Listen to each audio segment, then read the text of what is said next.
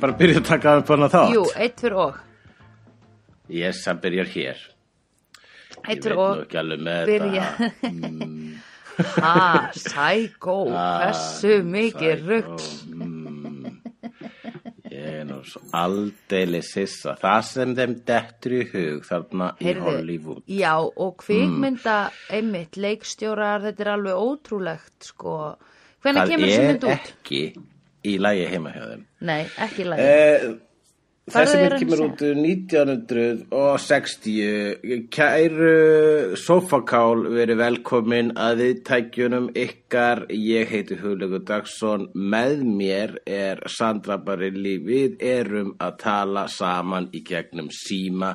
Ég er stattur að Nakatomi Plaza í Berlín og hún Sandra er stödd í fílahellunum í 101 RFK Já, Nú, hvað er að frétt úr þínu lífi, Sandra?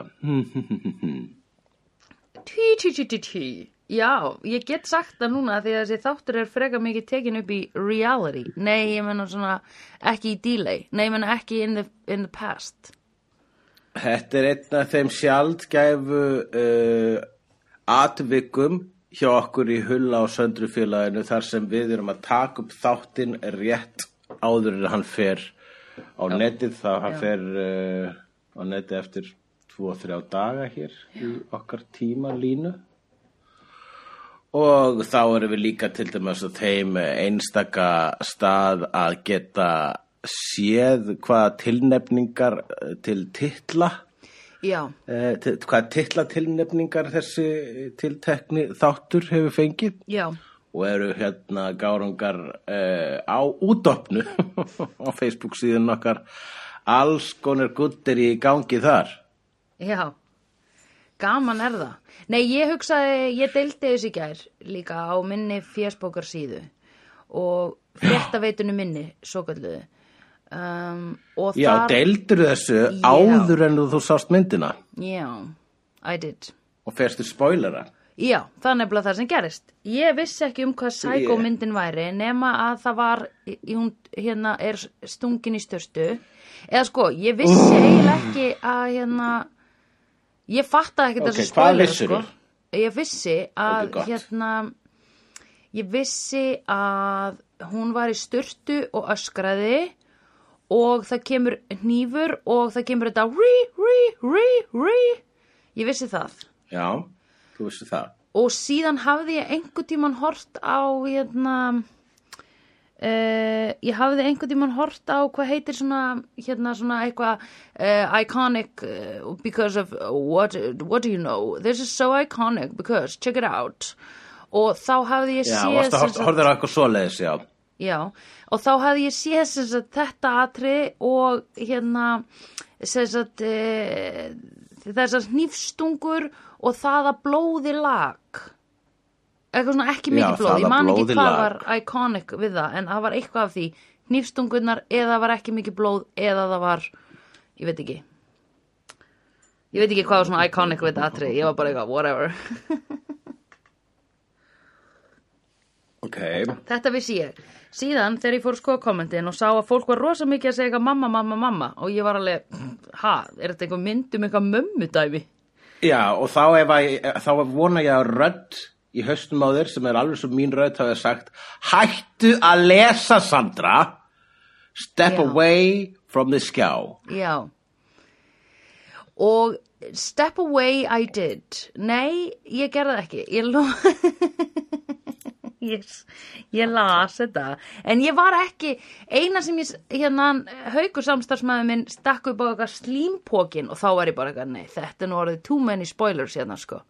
Ég sá aldrei þennan slímpóka Slímpóki Já, ég veit ekki af hverju hann stakk scumbag? Það er bara beinþýðing á scumbag heyrist mér en ég, Mm. það maður var ekki það er uh, svolítið reach myndi ég segja Já, við skulum nú ekki bara dæma um það hér. En ég hugsaði, þá hugsaði ég Jú, að þetta þarna er nú komið skulum of við mikið. fara yfir uppástúkunar og svona ranka þær. Og segjum hérna ó, á tæpasta vaði. Frumlegt. Gárunga vel laun fær þessi Já, tæpast af aði. Það, var, ei- það er eitthvað suggestion annað sem er líka partur af þessu hérna a, running gagi sem er að, að segja alltaf á tæpast af aði eða bláþræði eða eitthvað. uh, handagangur í öskinni Það er handagangur í öskinni, já, einmitt. Það er bara daldið fyndið. já, En- já, ble, Guð blessi gárunguna Guð blessi þá, alla sem einn Já, ég, en allavega þá hérna í gær, að því þú sagðir við skulum horfa á þessu myndum kvöld og ég sagði, Yes. ok félagi uh, í hullásandru félagi ég skal gera það, þannig að ég pantaði mér pítsu og ég pantaði mér Nutella gott og það var óveður úti og ég, Ok. okay. ég, ég fyrir ekki, ég pantaði eitthvað órætt af internetinu og fekk það sendt heim og borðaði það með ógisla góðum hérna, vatni í dós sem ég drekk og elska. Um, og hérna og á meðan var stormur úti það var dálítið creepy. Og ég slökti ljósininni og eitthvað svona. Já, já, já, já, ok, ok, ok. Ég var mjög freaked í byrjun sko. Ég var alveg hú, hú, hú, hú, hú, hú. svona, það var dálítið skeri sko. Já, akkurat, þannig að þú fer hérna rennur blind í vaðið, vitandi að það er hnífur á lofti og styrta með blóði, já, uh, en ekki mikið meira, hugsalega slímpóki eitthvað starf þarna ferðinni. ég alltaf bitur honum.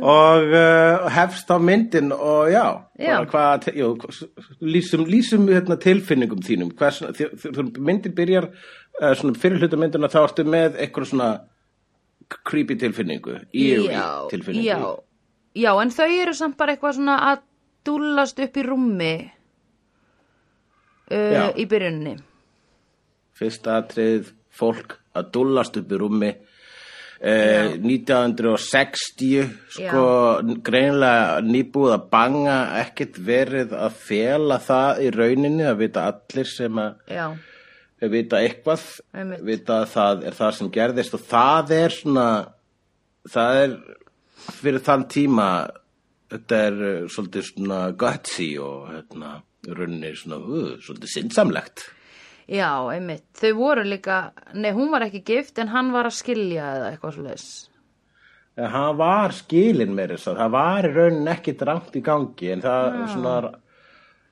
það rángsta sem að þau voru að gera var að banga utan uh, hjónasækur.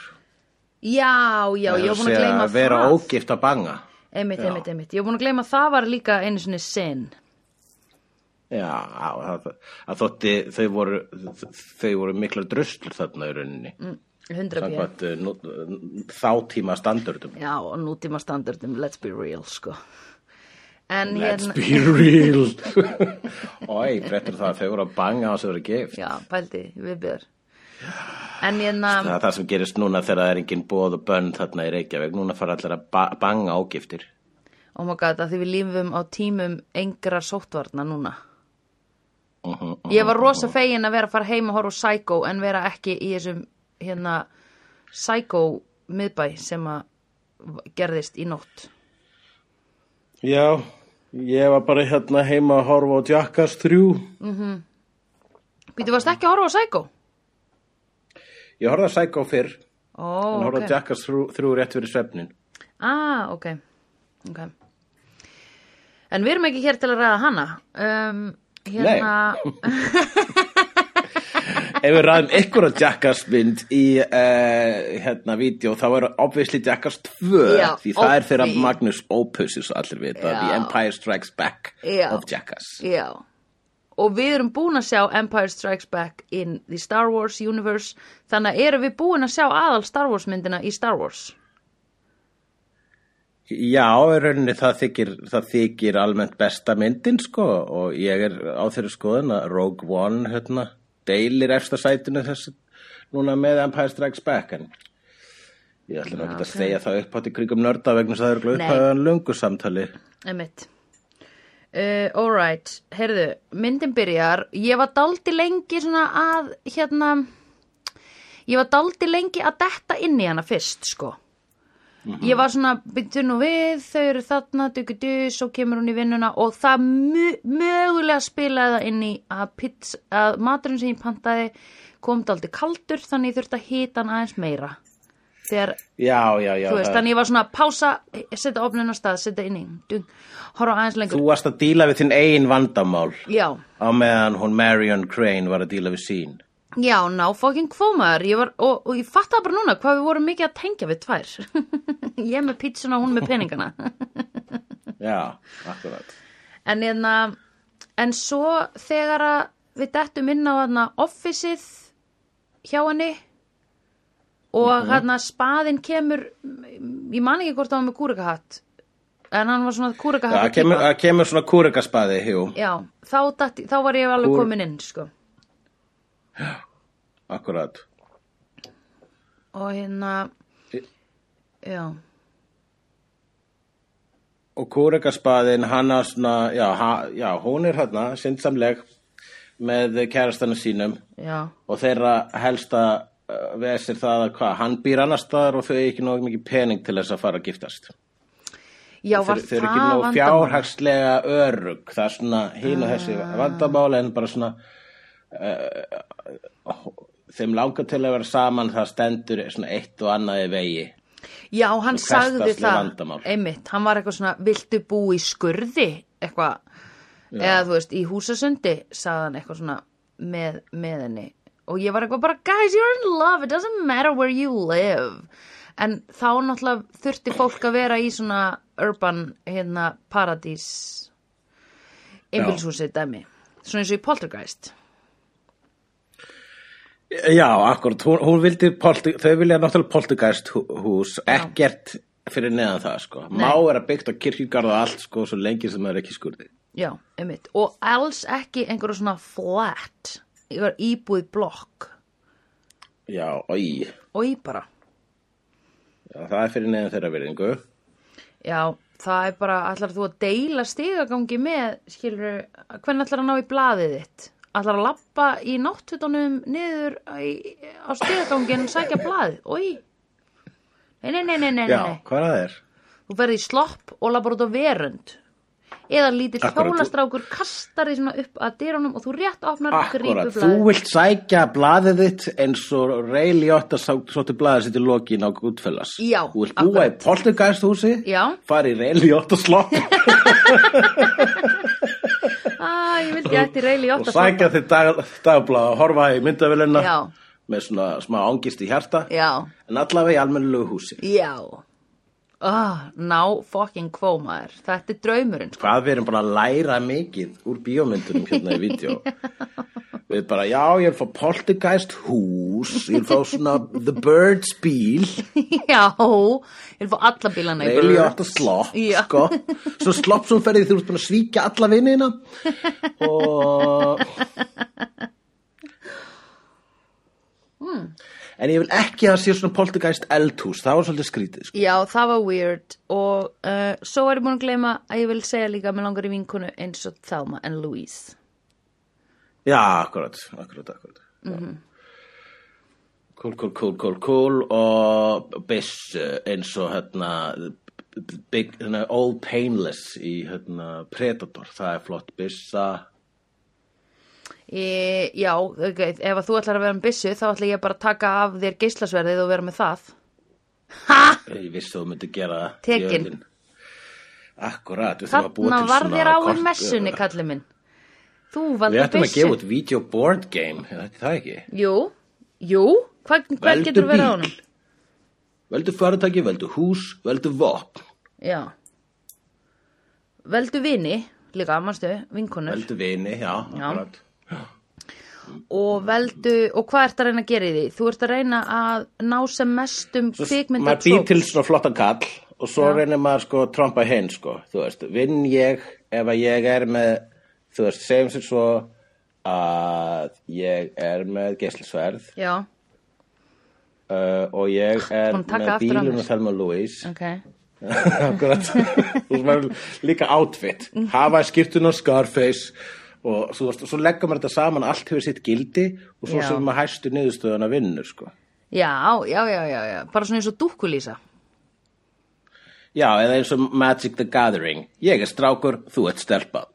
Já, ég veit ekki hvað það er, en já, það er ábygg, ábyggilega eins og það. eins og Magic the Gathering. The Magic the Gathering. Æ, Já, einmitt. en henni, henni Janet Lee, Já.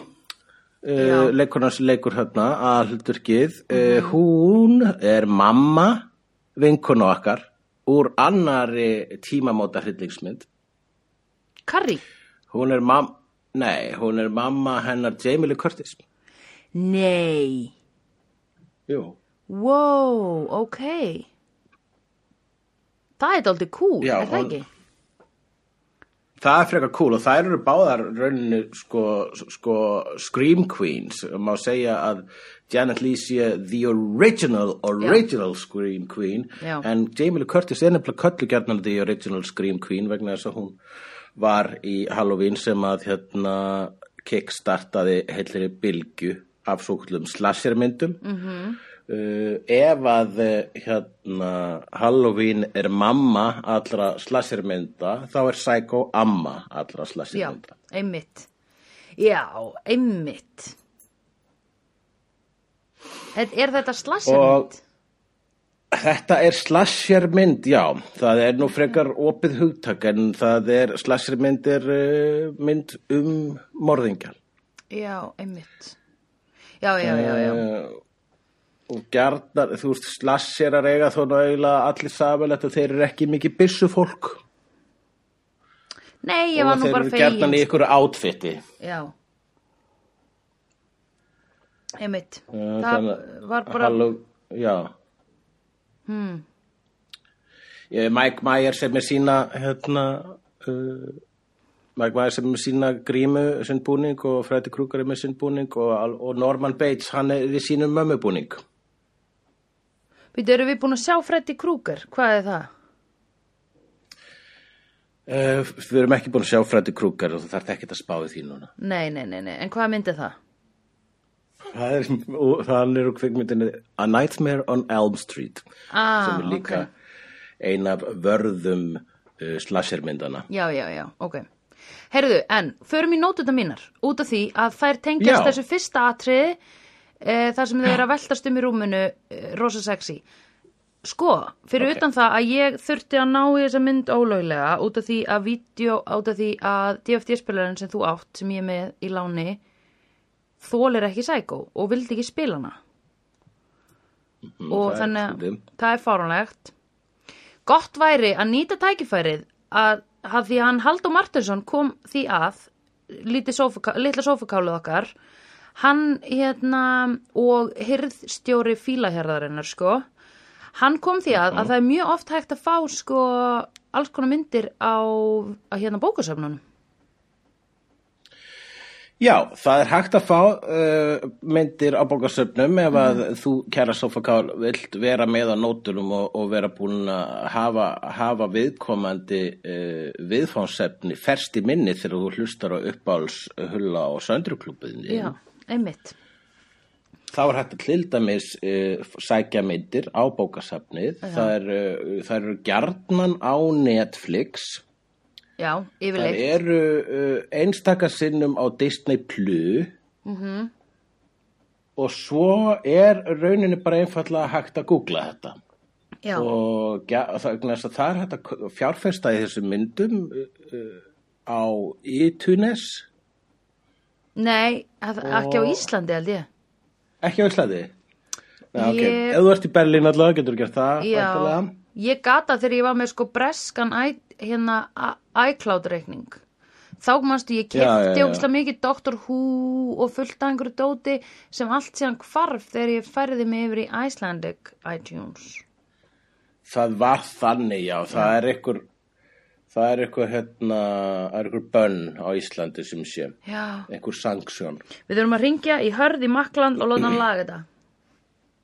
Akkurat. Uh, ég fann þessa mynd sjálfur hérna á einhverju veitu sem heitir chili.com og eitthvað Deutsches Já, ég þurfti að borga þrjár efrur fyrir þessa mynd. Í alvörunni, það er fórna kostnaður í lægi fyrir þetta podcast. Vitið það, kæru sofakála, hér eru við að borga okkur inn á þetta, sko. Við erum að, já, við erum að fókin, kostnaðurinn við þetta er orðin gríðalögur, sko. Þetta er sko áleika mikið og ég set stundum í bollan hjá betlurum hér í Berlín. Já, og þú hefði getað gefið betlar að þetta, en nei, þú fórnaður þessu fyrir sofakálinn. Akkurat, næst þegar ég lappa fram hjá betlara með bolla og segi, sorry, ég var að horfa á Psycho. Já, já, já, já. Ain't got no time for you.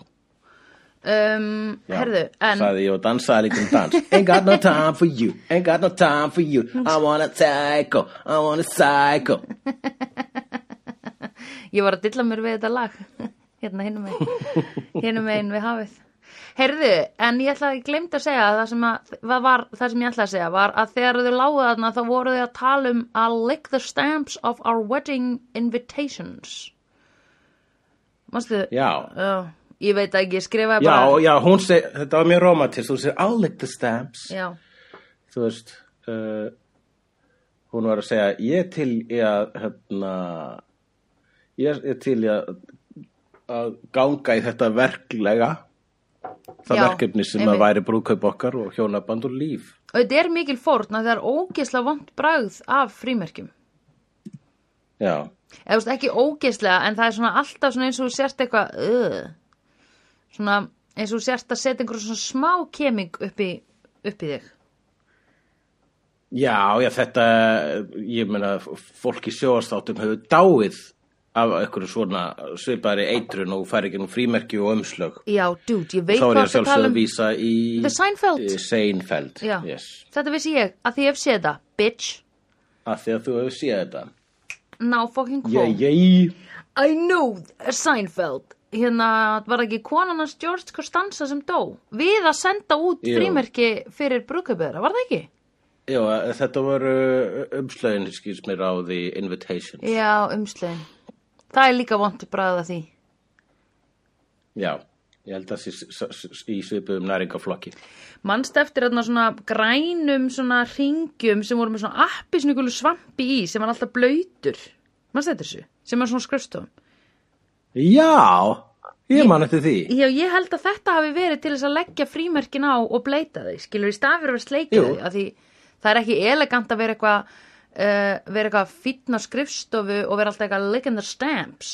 Skilur Það er alveg rétt, já, það er rosa cool hlutur til að eiga svona frímerkja sleikjari. Já, og ef að þau væru sko nógu rík til að búa uh, í öðru en skurði þá myndi þau kannski hafa efna því. Þannig að Já. hún hefur hugsað sko ég að við búum í poltikasthúsi um frímerkja sleikjara. Já, til þess þurfum við pening. Mhm. og svo leggur sem sagt yfirmaður hennar þessa ábyrði hendurinnar hennar að, hún á að skella eh, feitu seðlabundi í bankan já, og hún hugsa sig um í smá stund og hugsar herði ég ætla að stela þessu svo ég geti átt gott líf með gæna mín einmitt.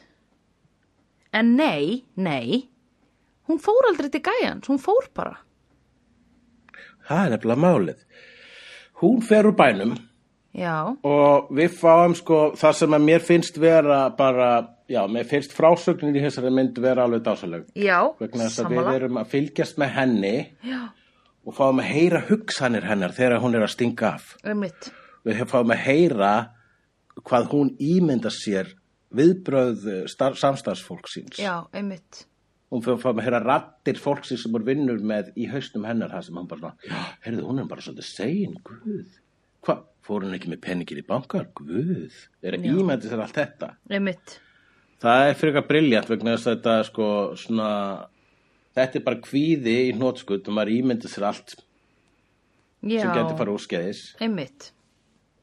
en þarna einf- einfallega var hún að gera eitthvað rangt þannig að þú veist, uh, þú veist fyrir eitthvað réttlætanlegur kvíði Já. Einmitt. Mér fannst, já, mér fannst það mjög skemmtilegt. Ég var samt, ég fattaði ekki endilega að hún væri að hugsa þetta. Ég hugsaði að við værum að sjá bara samtölin að gerast. Eða þú veist, að flakka á milli að hún væri að hugsa þetta og þetta væri actually samtölin. Já, jú, ég held að sé alveg að tólka það þannig sko að þetta hafi verið einhver möguleg framtíð eða ekki sko Já. Og hvernig, tengdur við hana þarna í þessu Já, ferðalagi? ég var mjög hrifin af henni og hjælt rosa mikið með henni uh, Mhm. allan þennan tíma uh, hérna líka þegar að cowboy-gæin er að koma sko Mhm. að hún var svona hérna ekki að láta hann kannski vaða yfir sig eða þú veist, hann var mjög óþægilegur og hann segir eina s- setningu þegar hann lappar inn, hann segir oh my god it's in here it's hot as fresh milk og ég fekk svona uh, Hann er með svona southern slangur, sagði það? It's hot as fresh milk. Já, Ugh, hann var að lýsa, já, þetta er ógíslega, hann var að lýsa sko andrumsloftinu, þú veist, það var svo heitt þarna sko, þegar var svona sumar, summer in Phoenix. Akkurat. Mm Af því að, þú veist, mjólk sem kemur beljum er náttúrulega bara heitt. Já, þannig, já, þannig fresh milk, ég skil, sveitastrákur. Já. En mér fannst það creepy. Já, svo var hann svo þegar hann var að dara við Janet Lee, þá kemur síðan hérna, þegar hann er búinn að því og fer á fundin, Já, þá er samstarfskonan hennar uh, Janet Lee, hún segir, ó, hann var að dara við þig. Hann hefur líklega séð giftingarringin minn. já, einmitt, jealous much? Já, hann var svona svolítið jealous, sko. En hún, hún reynur að vera talaði kannski svona eins og samfélagi var þarna sem var að þú áttir að láta reyna við þig og allir reyndu við þig, skilur Akkurat, og hún var líka minna á sína stöðu. Ég er náttúrulega gift, ég er ráðsett, ég er svona aðeins með hlutina meira á hreinu en þú elska mín. Já, pældi í það, hún er náttúrulega seimuð alla daga greið okkar, sko. Mar Marion, Marilyn, Marilyn, Marilyn, Marilyn, M Marion, Marion, uh, hún, uh, Marion Crane heitir hennar karakter, en í Já. bókinni heitir karakterin Mary Crane, en því var breytt vegna þess að framleiðendur komist að því að í Phoenix, Arizona, þar sem þessi mynd byrjar, eiga heima tvær Mary Cranes og þau hugsaðu bara, æ, við nennum ekki að hafa eitthvað vesen, þannig að skulum finna eitthvað nafn sem að býr ekki í Phoenix, Arizona. Það er, þetta er staðarind. oh my god. Það er ekki pælt í þessu í dag. Það er ekki pælt í þessi dag, kannski samt líka vissi framleiðendur hvað þið væru með í höndunum vegna þess að það er að fara að vera hrottalegt morð í þessari mynd. Hrottalegra heldur en morð hafa verið í kvikmyndum hinga til. Já, og uh, og hérna og hver veit nema einhverjur creepsterar hugsa hmm, ég mér langar að drepa Mary Crane. Já, og, fletta henni upp í símaskráni Hörru það eru tvær hérna ok, með eitt á backlistanum, það er að drepa Mary Crane í Phoenix.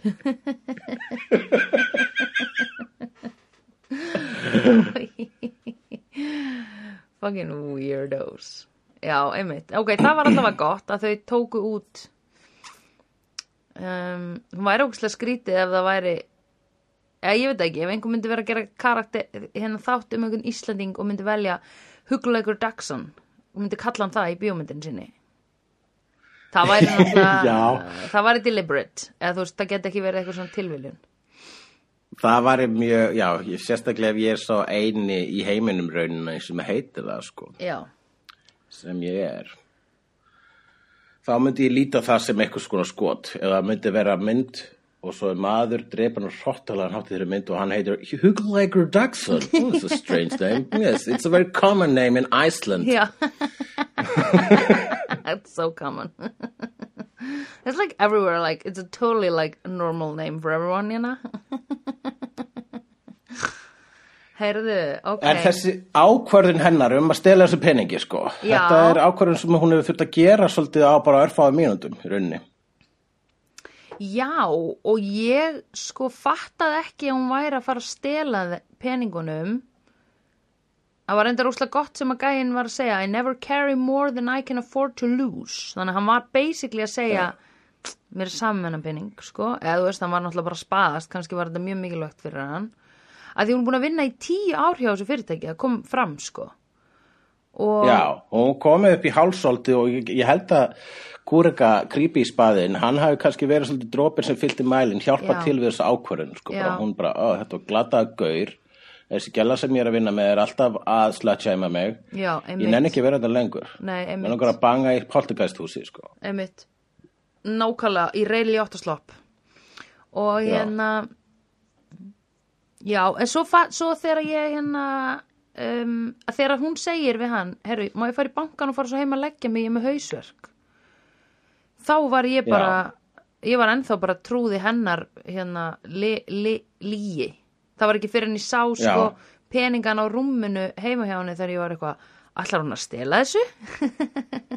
Já, ok Marjón, segir þú. Já, ég er búin að fá mína pítsu, þú er Já. búin að fá þitt peningabúnt Já. Myndi getur byrjað. Myndi getur byrjað og ég er spennt. Og þá sagði ég við hana ógísla flott ferðartaska hjá þér og bara fínt pakkað hana uh, reyndu að setja þessa peninga í eitthvað aðeins þægilegri umbúðir hana að því þú ert að fara að vera með þetta í veskinu.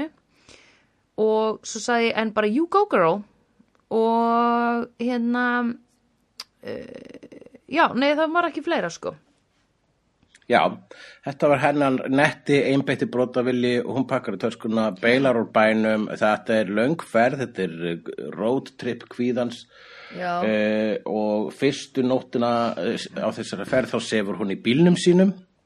Einmitt, á vegakanti. Einmitt. Og er þar uh, vakin af löggu. Já, sem hefur svona ógnandi nærvöru, já, bara speklasvolgleru og nærmynd. Já, einmitt, who doesn't? Veist, löggur eru bara með óþægilega nervuru. Já, Sko, löggur með svo Eh, óþægilega þá- nervuru að ég ætlaði að fara að því ég, mér er svolítið gaman þegar ég er að keri vinnuna að stoppa í bílalögunni sem að, oh, þú veist, pyrrandi get ekki talað um neitt sem að, whatever, sem að gefi mann leikardjús og hérna kaffi og rosa gaman. Og ég dýrka, mér er svo gaman Já fyrir þú þetta bara bílalögu. búa til ný nöfn. Þú Já, bara- ok, Joe the Cook. og hérna, Joe and the Cook. Joe and the Cook. Ok, Já, þetta er svona very laxative hérna shakes, anyway hérna ekki fyrir mig, ég, það var grínið bara milli mín og annar flott. minnar anyway, ég skil, já. já uh, anyway, hérna um, já og ég fer þangað í bílalúröðina og getur hvað undan mér, löggubíl getur hvað ég geri, hætti við fór Já, shit.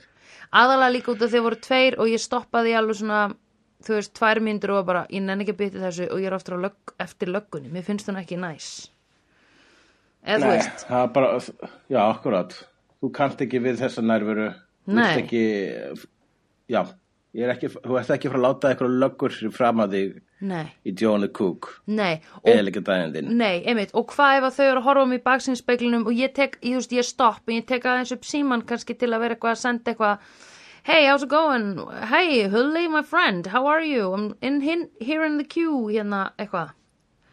Já, Og- tala við mig á ennsku eins og gerir. Já, já og en ég, heyrðu, býtu, síminn er að ringja ég var að svara, býtu aðeins ég segi alltaf að setja það á hóltuli Já, Hæ, hér á mínútu 35 eða svo þá er ég að tala einni mikrofón því að hún, Sandra, er í símanum hinum megin á línunni. Þetta verður vantarlega skorið úr þættinum, skorið, skorið eins og líka minn á Janet Lee í þessum þætti Ok. sem við erum að tala um. Psycho, Psycho, Psycho, Psycho, Psycho, Psycho, fuck yourself, Ok. Psycho, fuck þá, yourself. bara, þá þurfum við bara að fá lista go þetta fuck og, og, og yourself. hérna og senda mér Lengi er hún í símanum blessu stúlkan. Dabbi dabbi. Uh, þið eru komið aftur uh, í... velkomin aftur í a video Já, uh, velkomin aftur í vídeo segir við fólk sem var ekki að býða vegna þess að við kliftum þetta út og tíminn leið öðruvísi fyrir þeim.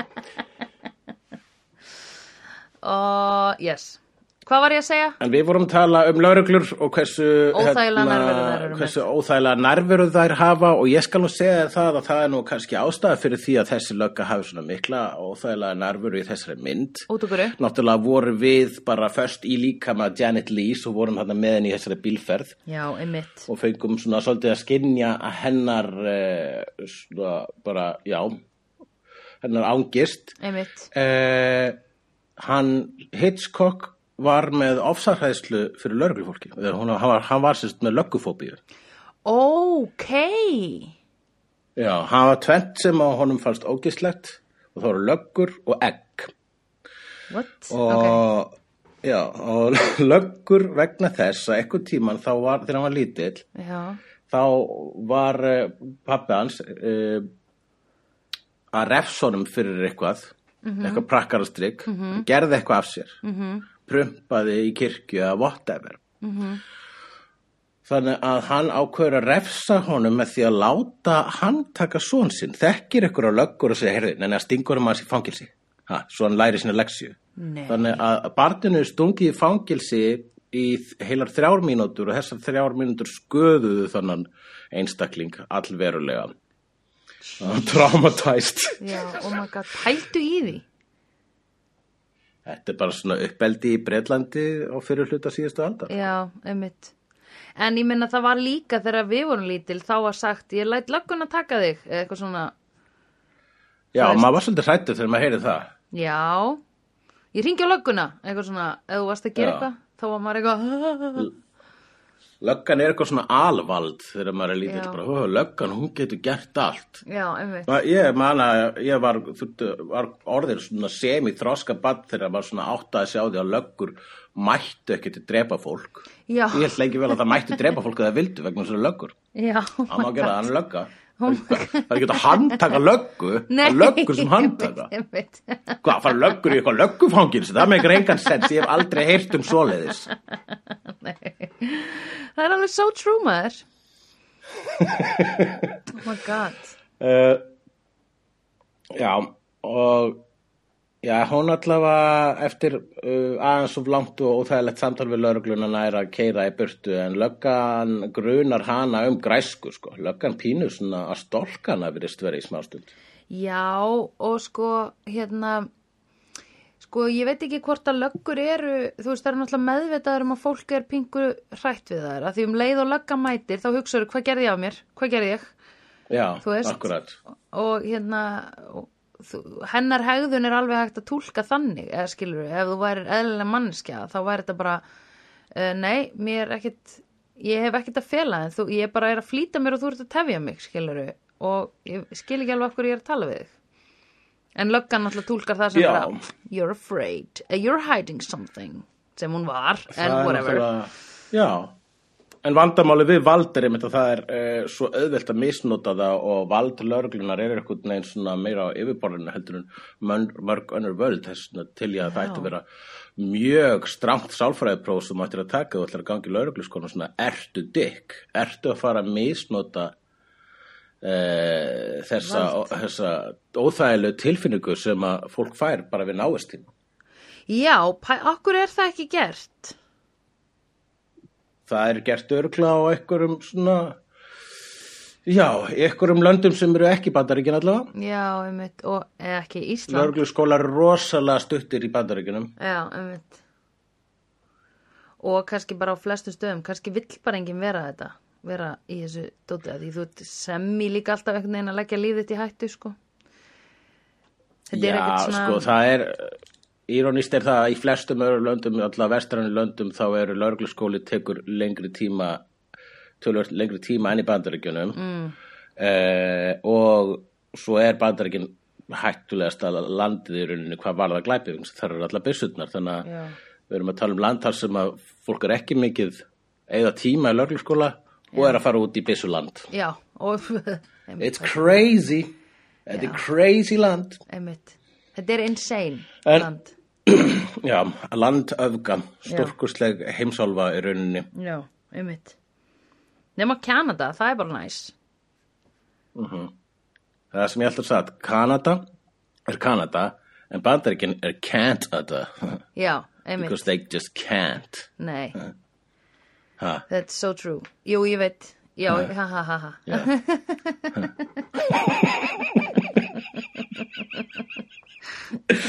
Ok. Uh, Það er fátt bandarískara heldur en uh, ógnandi lögga með speiklasólglöru uh, á vegakanti nema kannski uh, bílasali. Það er fátt bandarískara en bílasali finnst mér já, og sko oh, ég veit alveg eitthvað svona bíllaus lífstíl og eitthvað þannig kjátaði er náttúrulega mjög sniðugt. En hérna samfélags hérna nei hvað heitir þetta, samgöngur, almenni samgöngur sökka dikkina skilur við á, in Iceland. Já. þannig að ég er komin ég er komin í hérna bílaflotan eða skilur mér finnst gaman að bílum. Þannig að ég hef Þú þarft ekkert að afsaka þig fyrir mér, nei, nei, nei, nei. Sandra. Ekkert til að skammast þig Nei, fyrir. nei Já, Anyway. Ég hef gríðarlega gaman að svona bíla hérna e, þessum bílasala og bara einmitt að, kom Mér langar rosalega að fara til bandaríkjun og kaupa mér svona bíl og sérstaklega 1960 eitthvað, bara eins og hún var að gera bara með hún bíl. Já, Hún skipti út bílnum. já, mér langar að gera það Hæ, maður skilja bílinn minn eftir hérna og bara fá annan þér. Það er svolítið gaman. Já, það er ógeðslega mikið stemming. Mér langar geðveikt að prófa það, sko. Ég er ekki að, ég á ekki bíl og mér langar ekki að kaupa bíl. Ég er bara með á langtímalegu og ég er bara, það er the shit. En mér langar geðveikt mikið einhver tíman að kaupa mér bíl. Og svo ég hann bara eiginlega selja hann strax aftur að því mér langar bara að prófa the thrill of að kaupa sér bíl. Skilur? Já, ég hugsa, ég, ég veistu það, ég er þetta með þér, sko. Já. Ég væri til í að upplifa allt þetta. Ég er hugsa um að setja þetta á bucketlistu mín. Drulla mér í, í bílaskóla. Já. Ég er búin að fara til þessar. og bara, bara svo ég geti kefnum bíl sko. Þess að ég, maður hugsa svona svo, þú veist, þetta er svo að kaupa sér bara þú veist, úlpu, Já, einmitt. alltaf ákvörðun að kaupa sér úlpu sko, ég er að fara að vera í þessu í árið eða eitthvað, Já, meira sko, einmitt. Einmitt. Og svona, já, úlpa og íbúð líka er svona svipað sko. Ég var nú einu svona úlpu sémaður á fjölmiðlum sko, fyrir mörgum árum. Ha? Út okkur? Uh, já, fyrir svona 15 árum eða eitthvað þá var ég svona hérna, orðin, orðinu ný, nýfrægur. Og, uh, og einhvern tíman þá sá ég sem sé í eitthvað svona fólki fréttum eða eitthvað. Þá var mynda mér á okkur opnun og textin fyrir neðan hjá þeim sem hefur skrifað þetta þessa litlu grein -hmm. var svona jæja hugleikur, er ekki komið tími til að leggja þessari úlpu Nú? þannig að ég var seimaður fyrir að vera alltaf í sömu úlpunni Nei, oh my god Já, og ég var bara, já, ok, ok, og fór kefti 2000 mér sko. Nei, anskotin 2007 much maður Núna er it's all about recycling núna sko Nákvæmlega, ég hef átt að fatta, býttu bara, Já, eftir þá 15 til ár framtíðinu. Þá mun Já. Greta Thunberg hrósa mig fyrir að við notum sömu úlpuna í marga, marga, marga mánuði og ár. Herðu, Nákvæmlega, hún er alveg að fara að fæðast bráðum.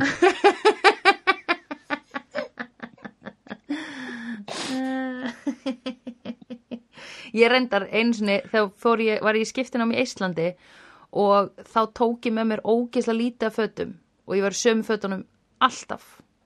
Og sko vini mínir voru konum með leið á að horfa á mig að því ég var alltaf í sömu fötunum. Og ég fór í einhverju svona second hand búð og kefti mér eitthvað rusl, skilur ég bara einhver föt sem Já. ógeðslega ódýr og bara einhverju svona rauða venjulega peysu eða eitthvað. Og ég man að vinu minn var bara vákvæðurt fín í dag og ég bara, já, það Já. er bara það er ekki að horfa á sömu peysuna í 500. skipti. Já, nákvæmlega, maður er að gera sig aðtegli, þú veist, maður þarf að- viðhalda aðtegli vinnu sinna, sko. Maður Já. er bara eins og sjóarpserja, sko, eða þú ert alltaf í sömu fötunum, það var bara svolítið eins og season 2 er bara, já, það er fínt, það er bara eiginlega alveg eins og season 1. Oh my veist. god, já, það er er svona- alveg satt. Það ætla að gefa sér sjens í þriði serju en ef, ennþá, ef það er ennþá sama að gerast þá er alltaf hægt að horfa sko. það er að sama með föt, fólk hættir að hanga með þér eða ert alltaf í sömu úlpinu og eins gott að við höfum nú fólk til að minna okkur á það hérna í fjölmiðlum einmitt. blaða menn sem að svona, taka eftir svona Já, Okkar- einmitt. þakka þann greiða Aðeins sem að- ég er að gera þar Akkurat. Aðeins að íta fólkinu í rétta átt. Heyrðu, en hún allavega kaupir nýjan bíl eða sk- skiptir uh, bílum sínu fyrir annan bíl til þess að uh, hvað? til þess að eiga annan bíl sem er eitthvað auðveldara það var hennar glæpaplott. Ég, hún náttúrulega, það, það búið að stoppa hana af löggunni, þannig að þá er hún, þú veist, þá, þá veit hún að hún er á skrá og hann sá, löggan sá númerplötun hennar, þannig að hún er bara, no, get rid of this núna, sko, að því að ég hugsaði þegar löggan stoppaði hana og ég held sko að við varum að fara að fylgjast með henni alla myndina, ég verðum ekki búin að ræða það hvað ég var skúffað um að drepa náttúrulega snemma. Þetta er Yes, mikið dick ok. move, sko. Veistu það, við skulum bara að gefa hérna í við erum ekki komin að fucking motelið Nei, einmitt, ok, hún fer á nýja bílum sínum, uh, nýja notaða bílum sínum og það kemur rigning. Uh, Ó nei, rigning, ég get valla séð. Uh, Hún, út ekki um, neitt hérna, sá hún, ekki neitt Gluggan minn og plús það var það hausin minn er hrikaleg fullur af Já, og röddum. Já, nákvæmlega Þannig að uh, hún finnur The Bates Motel sem er Yes. motel sem ég hef uh, farið á, ekki farið á en ég hef séð það. Nei, Uh, með mínum beru augum þegar ég var uh, uh, með henni Didi Unit vinkunu okkar on the Universal Tour. Ok. Og þá fer maður í svona litla, litla lest Já. keirir um stúdíóið þar sem maður sér til mis torgið aðal, torgið hérna, í Back to the Future. Já, ok. Og svo bara The Bates Motel bara the actual leikmynd og svo stoppar svona lestin, bíllinn þarna, rútan já. við Bates Motel og þá segir sko leðsöðumærin, hver er þarna sem kemur lappandi til okkar? Er þetta Norman Bates? Þá kemur svona Norman Bates í bara svona sinni skirtu með hníf og lappa svona rösklega að rútinni Oj. og þá segir leðsöðumærin, heyrðu við þurfum að drífa okkur og keirir burtu Já, gott Þannig að það er eitthvað svona maður sem vinnur við það að vera Norman Bates á verundinni á Bates Motel Já. og fara svona kannski hundra sinnum á dag, lappa að rútu og hérna svona rösklega og með smá svona creepy augnaráð. Þetta er það sem hann gerir. Svo setna þá förum við yfir vatn og þá hver heldur að stingur haustnum upp úr vatninu. Nú hann brús okkar, vinurinn úr Jaws. Oh my Hákalli god kemur og segir svona ang, ang, ang, ang, ang Oh og svo fer hann aftur honni vatnum. Já, ok, oh my god Já, þetta er sem verið skemmtilegt Já. Pældi samt að vera leikari, ný útskrifaður og vera eitthvað svona að reyna að fóta fyrir þér og bara dýrkar Hitchcock og eitthvað, langar að leika í bíómyndum. En þú færið sko þetta hlutverk, hans Norman Bates. Þú veist, þú færið að leika, að þetta eru leikarar sem gera þetta sko, vinnu mínir hafa, hérna sem voru með mér í London, hafa verið að leika svona í einhverjum svona scary houses, þar sem þau koma svona fram og wú, hræða fólk í 30 Já, eða. Mhm. 5 sekundur, skiluru, og svo er bara næsti hópur, skilur að hérna pældi ég, hann er bara Ég held að eitthvað betri að vinna heldur en kaffihús sko. Þú ert já, leikari, þú ert alltaf að vinna í stúdíu. Ég er að vinna í Universal Studios. Já, Já. það. Já, hvað ertu að gera? Að ég er að leika mjög frægan morðingja. já Hmm. já, ég meina það er ekki þú veist, hann er í raun og veru meiri Norman Bates heldur en gæinn Norman, sem leik Norman Bates hann er bara, er hann ekki dáin eða löngu búin að gleyma hans hlutverki, sko hinn er living it Ég veit ekki hvort hann Anthony Perkins sé á lífi ennþá. En já, þá gæti kemur verið, hún og... því hann var svona hérna- 13 ára þegar hann leika í sér bíómynd Já, mjög ungur. ógilla ungur Já, ok, þú kemur hérna, þú ferðast hérna með henni Janet Lee okkar. ég er með Að mótelinu. Já. Hvað, Ó, hvað eru rigning. tilfinningar þína þegar þú kemur í mótelið? þá hugsaði ég, æ, gott, hún fær húsaskjól hér. yes Gott.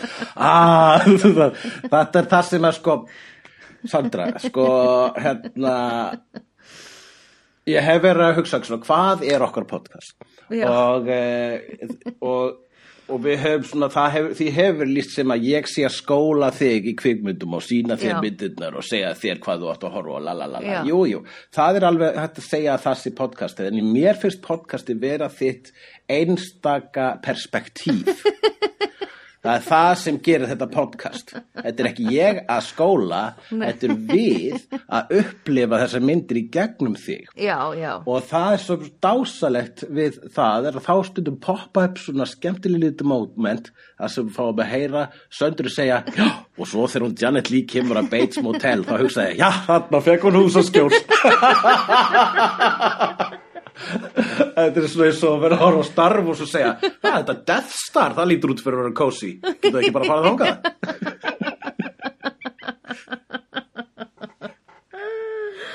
já.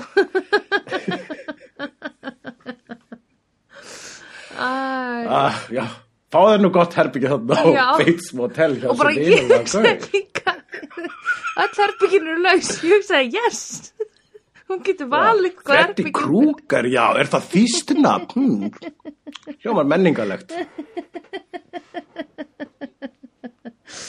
En sko, þegar að gæinn segir Norman Bates að því svo var, sko, líka þegar ég er búin að sjá einhverja spoilera um eitthvað mömmu, mömmu dót eða eitthvað, ég var löngu búin að gleyma því þarna, sko að ég var bara, Já, ok, gott, ég held sko þarna myndi hún kannski byrja með þessum manni og eignast batt með honum eða eitthvað og verða Yes. mamman Var það það? Fór þinn haus þáka? Já Það var er æðislegt. Hvenær eignast hún þetta barn? Ég var ég að hugsa um nokkur sinnum sko akkur varst, já, varst, akkur, þannig að þú bara actually gerir á fyrir að það gæti gerst, að hér væri komið nýtt romantic interest í hennar líf. Já, já, já, já Byrjaði þið var aldrei gruna. Norman um græsku? Nei, ekki, ekki byrjun Og svo, sá, svo var hann að vera að sína fuglana Alla svona uppstoppaða hjá honum. Og ég var eitthvað mm, Ég held þá að hann hefði sko erft í raun og veru þetta að hann var eitthvað að tala um að hann hefði verið með þetta mótel með mömmu sinni eða eitthvað svo leis og ég hugsaði að hún er að hann má ekki skipta um dekor. Það er verið að halda í gamla Já. dekorið skilur þannig að, þa- þessna var eitthvað svona adaldi creepy. En svo þegar hann byrjaði að tala við hana nei sko, eitt atrið kemur. Hann kynni sér sem Norman Bates. Þá fekk ég svona, býtu ég hef heyrt það. En ég veit Já, ekkert í hvað ég hef og já, pottið í rapplögum. Psycho Killer Norman Bates, er það ekki eitthvað hérna? jú, jú, jú, jú, Wu-Tang eða eitthvað? alveg pottið sko, ég man það ekki. En ég, þetta nafn var bara svona eitthvað, I know this. En hérna já, en anyway og svo þegar hann kemur með hérna mamman svo náttúrulega aldrei mikið dikk hann í byrjun þegar hann var að saka hann um að vera skotin í henni. Og hann, hann mætti ekki bjóðin inn sko. Þá vorkendi ég honum bara sko. Og Já. hérna svo kemur hann með matinn. Já, en hann var hann pingu intens þegar hann var að tala við hana. Þá var ég svona, ah, herðu, ég myndi ekki svo hjá honum ég vona að já, hún breytir svolítið, hún er svona að sína honum áhuga og fer að spá trúnum með honum, sko, Já. er þarna líka, þetta er fyrsta, sko, vinalega andlitarinnu, bara síðan hún, já, Já, einmitt. þannig sér síðan hún bara saði bless við kærstan sinn, sko, Einmitt. í byrjunum myndinunir. einmitt, Og, og hún bara, hérna, sér hann að gaur og lígur fyrst til um nafni sitt, sko, já, einmitt uh, og hérna en, og svo hérna heyrir hún, já hann segir hann fer og segir, viltu kannski bara fá að borða með mér, kottu hérna upp í hús og borðað saman, býður hann upp í hús. Já, já, og svo fer hann upp í hús og hún heyrir hann rífast mömmu sín og mamma spæði, þú er ekki að koma með ykkur að tuðru hingað inn á heimilið? Og hann fer, kemur niður það með matinn og þau borða í eh, já, í hvar borðaðu þau, bara svona í bakherbygginu hans þar, já, þar sem fuglarnir já, eru. já, en í smá stund þá voru, svona, þau voru næstuð farin inn á herbyggja hennar og hún var eiginlega svona bjóðan bara, já, ég var bara hér. Og hann svona, nei, borðu frekar hérna í bakherbygginu, það er óviðeigandi að ég sé að koma með þér hérna inn á herbyggi, ha, já, einmitt. Það var alveg Já, svona virðinga mamma minn tuða um það, sko, já.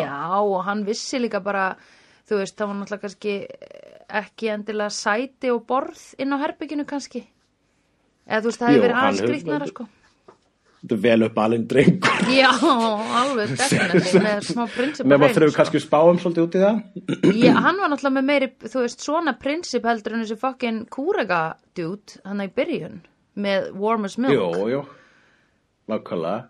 Með þægilegri nærveru heldur einlega allir í hennar lífi fyrir utan elskuði hennar. Já, akkurat. En heyrðu, vá, elskuðin, uh, hann var dálítið mikið massaður, fannst þið það ekki, fyrir, fyrir svona 60s mynd.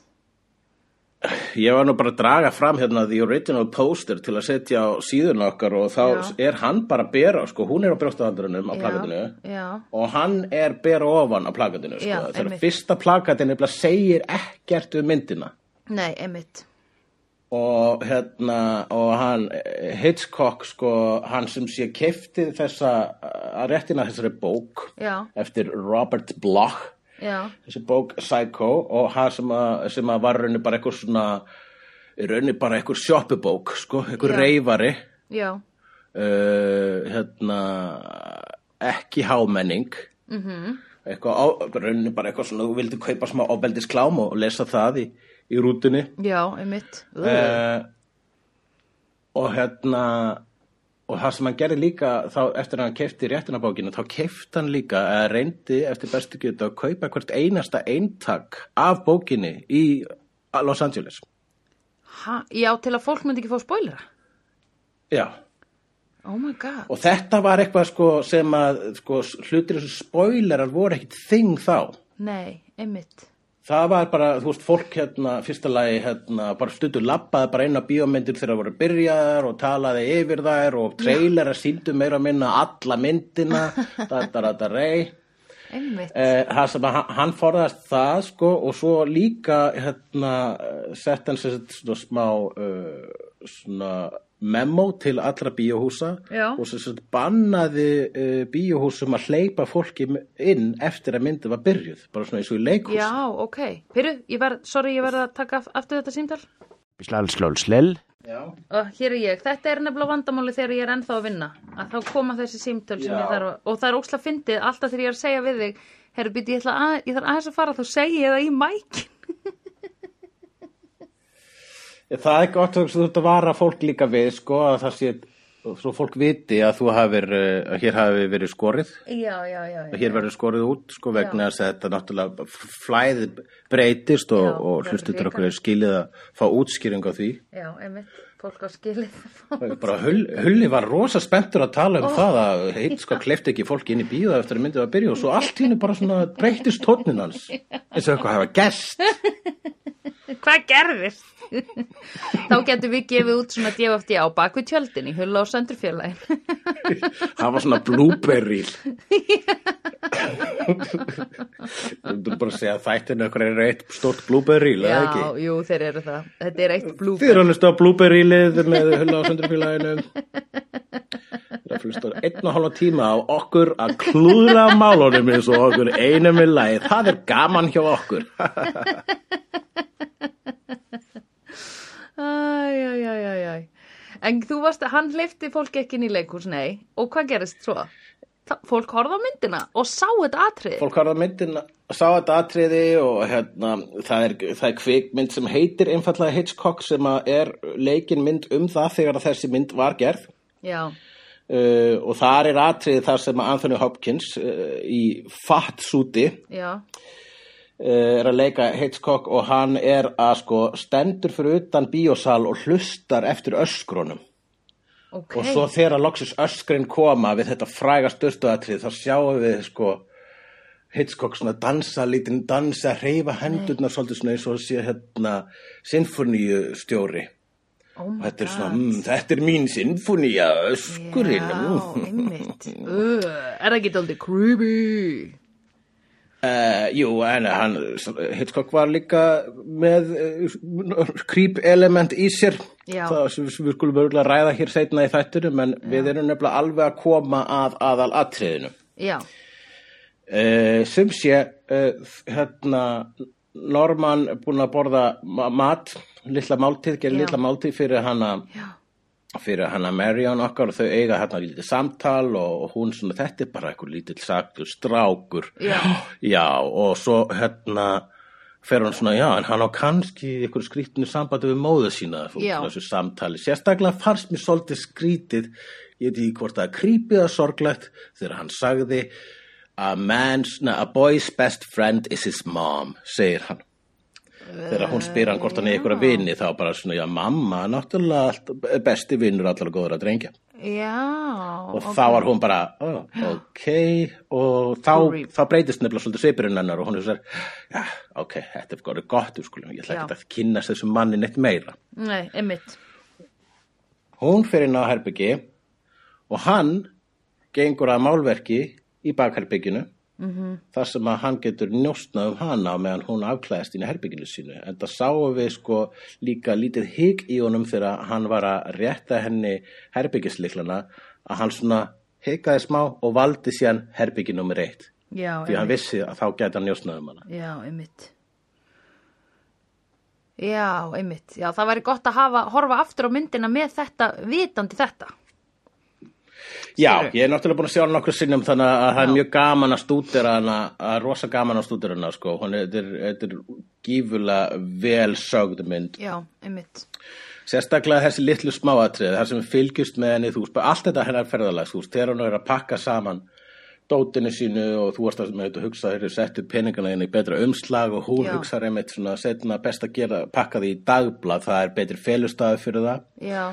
En Og svo ekki framvegis. setja dagblaðið síðan á skilur náttborðið þitt, heldur settu það á, settu bara í töskunan. Ha, er það ekki?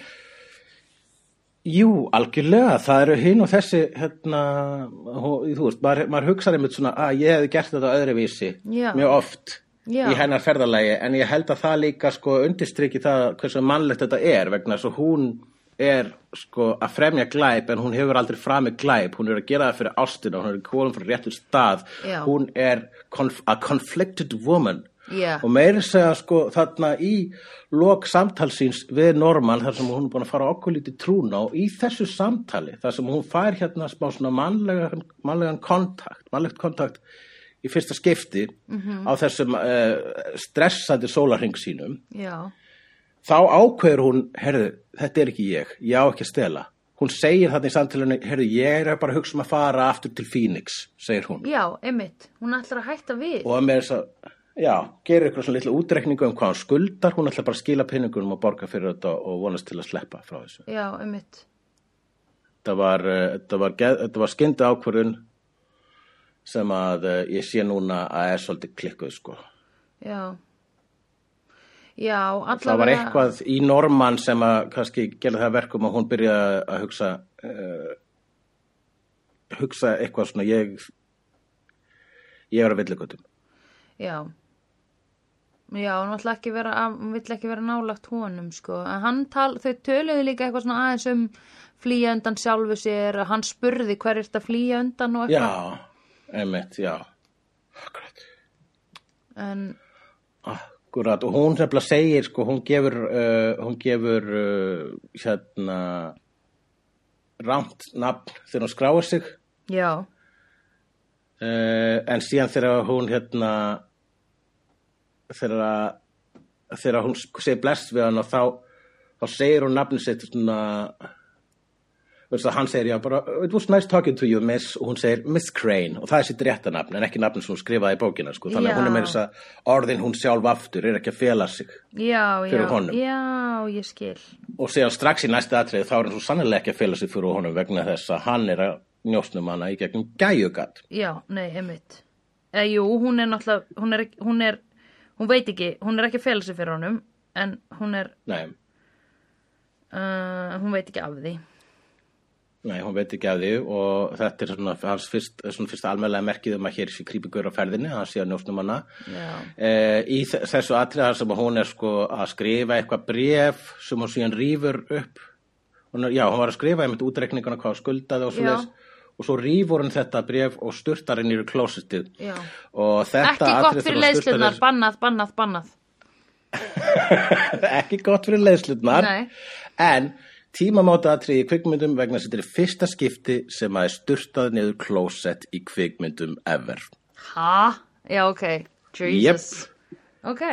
þú veist, klósett var sko á reyla bara svona á- átturinn, þú veist, sáurst ekki lengi vel Ok. í uh, bíómyndum snemma, alveg svo sko snemma þá, ef þú voru sjóastættir þá voru hjón þau svá ekki í sama rúmmi einu sinni Já, einmitt. svona á, í árdögum sjóarps og bíómynda. Það, var ekkert, það er ekkert snuð að vera að gefa í skína hér sé fólk eitthvað að banga.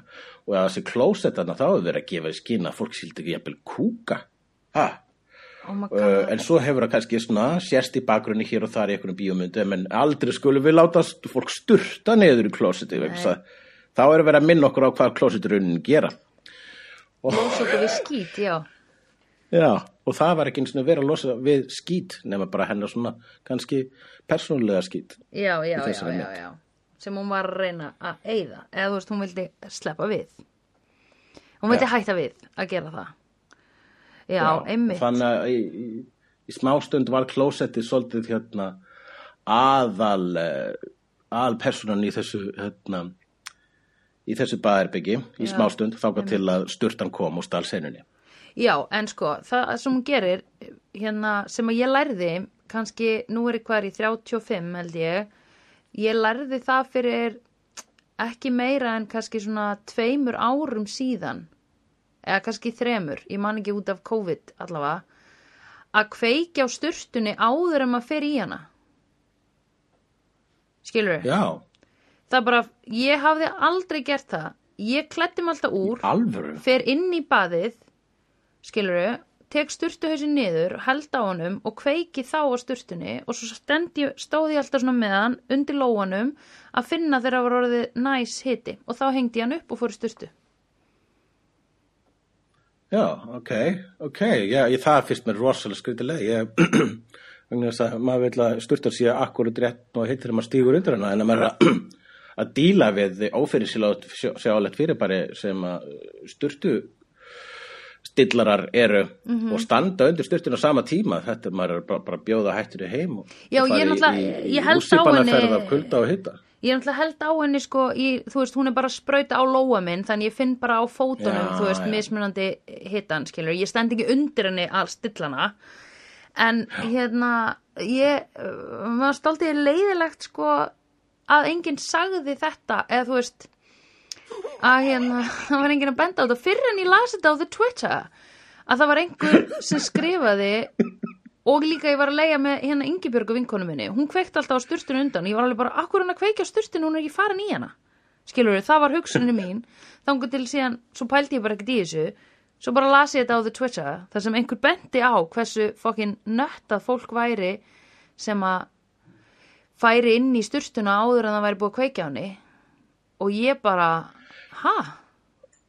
Er það ok? Það má? Já, Þannig að nú gerir þetta alltaf, Já, skilur ég hugsa að þitt sé, þessi, gamla aðferð þín sé samt umhverfisvætni, er það ekki rétt? Ég veit ekki, ég hjá meina, já, þú veist, þetta er kannski svona eitt Svo maður, er, maður er lítri. alltaf, ef maður þarf að pissa Já, og er að fara í styrtu, ekki pissa í klósið, pissa þegar þú ert í styrtu, þá bara Já, ertu 100%, að gera 100%. En, dag, sko. en það hjálpar, sko, máli með að kveikja á sturtunni fyrst og fara svo inn í hana, að það í raun og veru lengir tíman sem þú getur pissað og þá er ég yfirleitt eiginlega að byrja alveg að pissa á mig á móndana, sko. Þannig að Já, akkurat. stundum þarf ég að kveika á sturtunni, pissa og fara svo í sturtuna. Stundum get ég gert bæði. Akkurat. Gott að vita. Ég allavega hugsaði að elsku Marjón, ég vildi að þú getur séð the Twitter þráð um að kveikt á fokkin styrstunni og farið svo inn í hana, skilur. Það hefði kom, mögulega Já. komið vekk fyrir þetta morð út af því að hún hefði þá verið eitthvað svona að dúlla sér inn á bæðarbyggi og séð heyrtan koma, skilur það, því hann heyri styrtuljóð og hugsar, hún er farin í styrtuna, en nei, ef hún hefði verið eins og ég, búin að kveika styrtunni fyrst og styrtan er búin að renna í kannski eina mínútu til að ná góðum hita, skilur þá er hún bara ennþá frammi og þá sér hún hann lappa inn, skilur með hnífin og það er ekki að stoppa Byrju, já, hún, byrju, fór, hún kveikt á styrtinu og fór síðan í var það ekki? Nei, hún bara fór inn í, já, hún fór inn, kveikti. Og, já, já, ok, ok, ok, ok, ok, ok. Já, og þá kemur, byrjar þetta atrið, styrtu atriðið er, eitt, er bara íla frægasta atriðið kvikmyndasögunar, sko. Já, einmitt. Uh, og, uh, og, sol, ekk, og eitthvað sem áhörundur höfðu ekki upplifað áður, að sjá svona berskjaldað morð, sko. Já, einmitt. Það var það sem þessi kvikmynd gerði að hún svona eiginlega myndi heila þjóð, sérstaklega uh, hvítan millistjættar forritenda hluta þeirra þjóðar að það getur alltaf bara eitthvað lappað inn og drepið þig. Já, já, ég man, ég var hrætt um þetta þegar ég var lítil, sko. Að, þú veist, að því ég hafði séð hérna svona draga styrtuhengi frá og hnífur. Ég, ég menna, við höfum öll verið hrætt við þetta. Er? Já, þú hefði séð þetta atriði oft. Þannig að þetta Nei, var ekki atrið, þetta- ekki atrið, bara þetta, Nei, bara rífa frá eða- eitthvað svo leys, já. Já, Að því ég sko horfði Já, á þetta atriði einhver tíman þegar ég var að horfa á þarna Importance of Something. Uh, þá horfði ég á allt atriðið og þá var ég einmitt eitthvað svona ó, þið fyndið hérna þessi, að þessi högg skiluru og það var svolítið sérstakt það var svona ekki eins íkonist og ég hafði ímyndið mér. En svo kom hann að öskriðanar sem að maður er náttúrulega búin að sjá. Ég hafði séð það náttúrulega skriljón sinum þú veist þegar hárið er alveg orðið blöytt og hún er þarna upp við flýsaveggina öskra. Það er the most iconic dæmi. Já. en hitt dótið ég hafði held ég ekki séð það eitthvað almennilega nema eitthvað svona eina uh, þú veist fræðigrein um hvernig blóð er í kvikmyndum eða eitthvað, ég veit ekki. Man ekki hvað, um hvað Já, þá Já, ég séð þess þetta, að hérna- restina af þessu. Þetta atriði eh, sko, hún var þetta, ég held að hún var ekki það voru ekki margir tökudagarnir sem að fóru í hana Nei. í þessari mynd en allavega þriðjungur hennar, hennar tökudaga uh, fór í þetta atriði. Það tók fimm daga að filma það.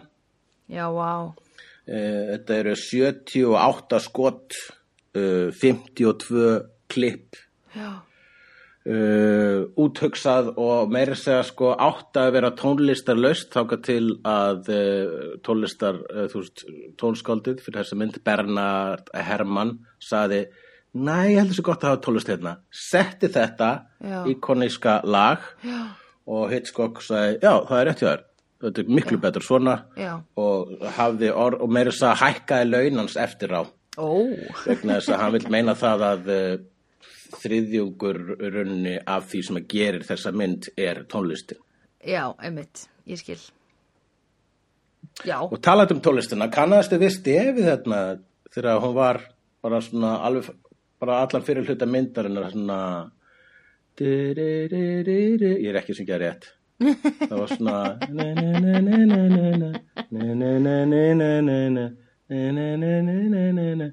Þetta er í læginu uh, sem að þú kannt að rappa með honum uh, með honum Bösta já, hérna Look at me now.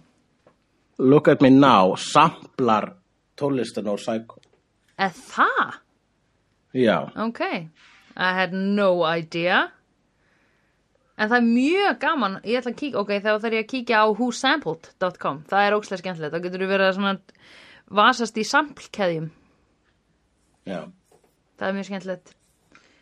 Um, já, nei, ég kannast ekki við þetta, Þa, býtu, það er þetta lag var ekki myndinni. Þú verður bara að tjekka það eftir. Já, ok, ég er að hlusta. Heyrðu, já, og annað með þetta styrstu atriði, mjög slæmt niðurfall er á þessu baði.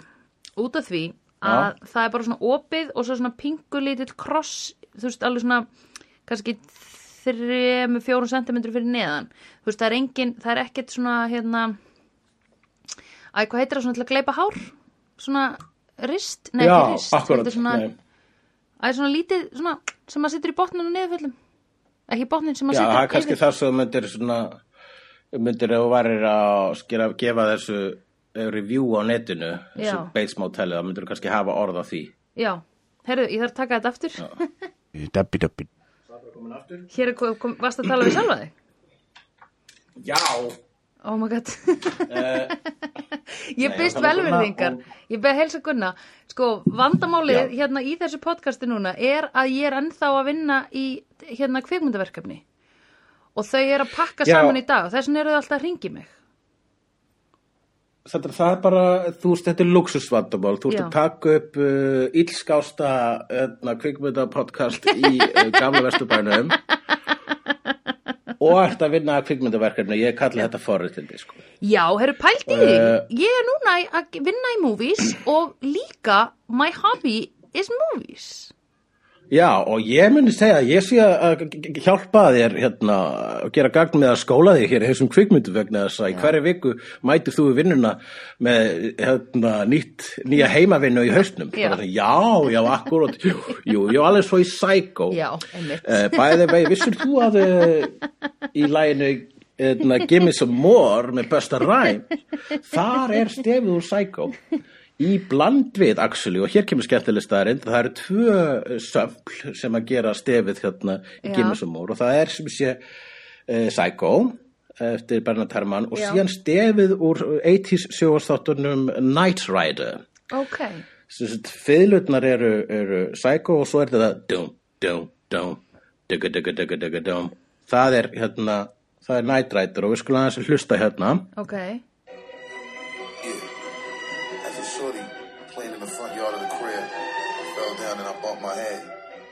Heyrðu það? Já. Þetta er sækó. en nú ert þú að Mér finnst þetta bara sem mikil sönd. ha, Er ég að skemma hérna, þáttir með að setja copyright efniðinu? Nei, nei, nei, nei, nei, nei ég, Þú ert að gera mér of hátt til höfuðs því að ég kann ekkert að rappa Gimme Some Mo Já, það er annað lag sem þú kannt að rappa. Já, eina sem ég veit Hvað er að? Busta Rhymes segir að það er saman um sem en ekki með sem mó að saman um sem en ekki með sem mó af því að ég hef aldrei hlusta á það eftir ég var fullorðin þetta lag En hvaða lag er aftur sem þú kannt utan að? Look at me now Look at me now, give me some more. Já. Það er ekkit skrítið að maður skulle rugglast. Nei, en Look at me now er með konulemjara og við tölum ekki um hann um, Ha, er með, hvað segirðu? uh, Kánum Chris Brown sem lemur kettlingar Já, já, ok, já, já, ok. Heyrðu, uh, halló, við erum ekki búin að ræða um það að Rihanna er ólétt með fokkin A$AP Við erum ekki búin Rocky að ræða það. Nei, veistu það verður fallegasta barn sem fæðist mun, fæðast mun í trúa því. heimi hér. Frelsari vor, mun Já, ég já. telja þetta barn verða. Já, það verður náttúrulega, gott að fá nýja svona mæli einingu á tíma að árið 0 munum bráðum byrja Já, með fæðingu uh, frelsara vor. Já, ég myndi Út um- segja það. út úr- Um, herðu, en hérna, ó, eitt, núna er ég aftur farin að heyra í mér í þér. Nú, Nei, ekki lengur, ég heyrði bara smá í mér í þér, en anyway. Heyrðu, hvað við að tala um? Niðurfallið? Já, sakkaði. Það sem að, það sem að, hérna, það sem að uh, rann niður í niðurfallið var ekki blóð, heldur súkulega síróp uh, frækt, uh, Já. talandi um Seinfeld, Bosco heitir þetta síróp, ok, uh, sem að er pinnúmerið hans George Costanza. pinnúmerið Bosco. Já, hann er með, til að komast í hraðbaka þá er pinnúmerið hans er Bosco, Já, já, já, Eh, já.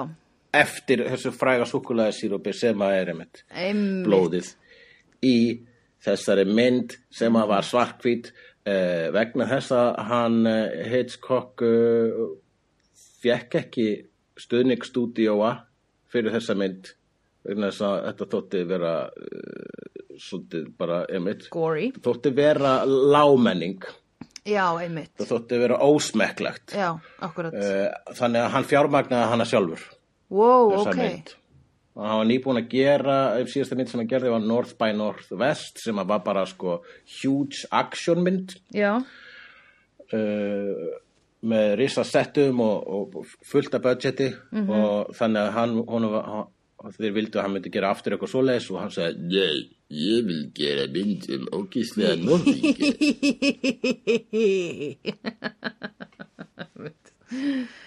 já, ég skil hann mjög vel, sko. Hann ennir ekki, hann er, að því hann er artist, er það ekki? hann er artist, það er svo sannlega hérna, með sín höfundur einkenni og hérna og, og raunni einn áhrifamesti leikstjóri mannkynnsugunar og marga, að margra matir sá besti Já, já, já, já. Já, pældu samt í því að, þú veist, það sem við erum að segja líka og eitthvað var groundbreaking var að hann síndi klósett, eða eitthvað styrta niður í klósett, skilur. Maður er svona, Jú, það, já, wow, flott hjá þér, Ma- þú varst alveg bara going það er the line. flott og það er mjög auðvelt að vera sinikal í forti- fortíðarinnar Já, en ég er ekki meina, sko, ég hefur bara að hugsa hvað er það, hérna, hvað er það í dag sem að við erum að sjá sem er svona, wow, gott hjá þér, eða skilur við, þegar einhver er að brjóta þessar, uh, fara yfir einhver, einhverjar hömlur, Það er nú sérstaklega einmitt í hryllingsmyndu þar sem að sko er alltaf að reyna að finna, þú veist, hryllingsmyndir verða að toppa, uh, hryllingsmyndir og grín eða það sameigilegt að uh, það eldist illa sko, þetta er hérna, þetta er avokado kvikmyndana, þú verður eiginlega að borða þetta strax eða akkurat í réttum tíma. Já, einmitt. þetta, uh, hérna, Nei, en samt svo, ekki það snemma. er, Nei, ekki of snemma. Avokado var ekki alveg rétt að hérna, samlíkingin. Einhver mjólkur var að væntalega. Já, ætli það ekki. Uh, já, eins, eins og heit mjólk.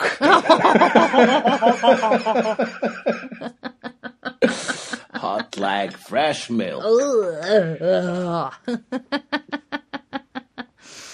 Þannig að já, einmitt, sko, þegar ég var að, hérna, þegar þú varst að fara að horfa á þessa mynd, sko, þa- og þú spurðir, hérna, þegar ég sagði þú ætti nú að horfa á hann um kvöld, þá spurðir þú bara, hvað, er hann ógislega? Og ég bara, uh, ef að þú ert uppi eh, 1960, þá er hún rosalega ógislega, já. já, einmitt. En núna er 2022, þannig að Já, ef þú ert að Já, hlusta já, á það þetta fimm árum eftir að við tökum þetta upp, þá er þetta árið Já. í ár.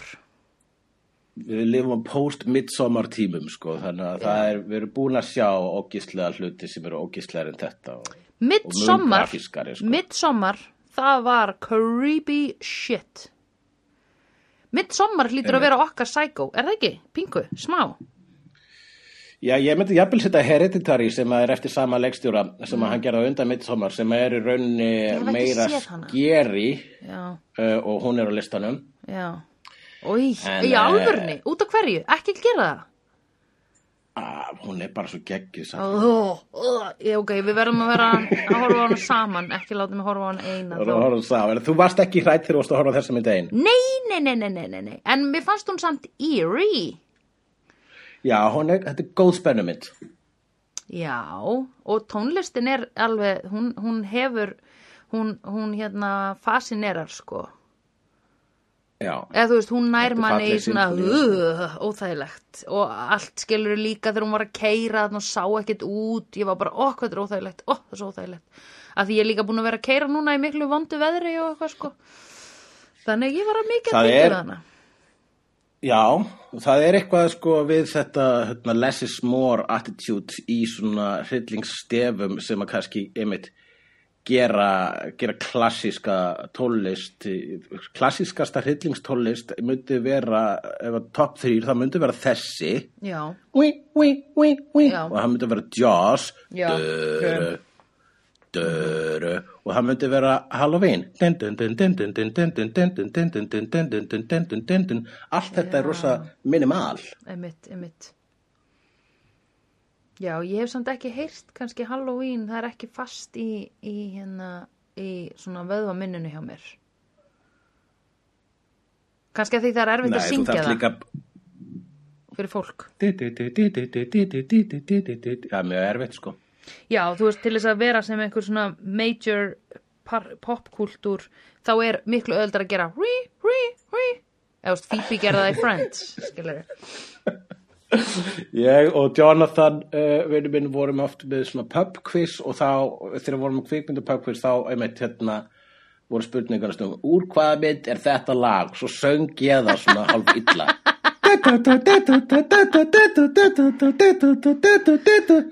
og svo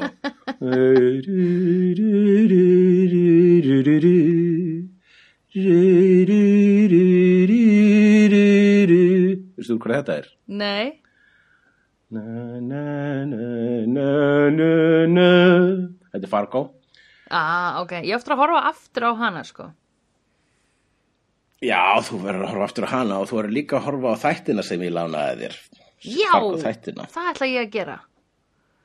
Heyrðu, en næsti punktur minn er erfitt að vera í jakkafötum og geta ekki brett upp ermar. Já.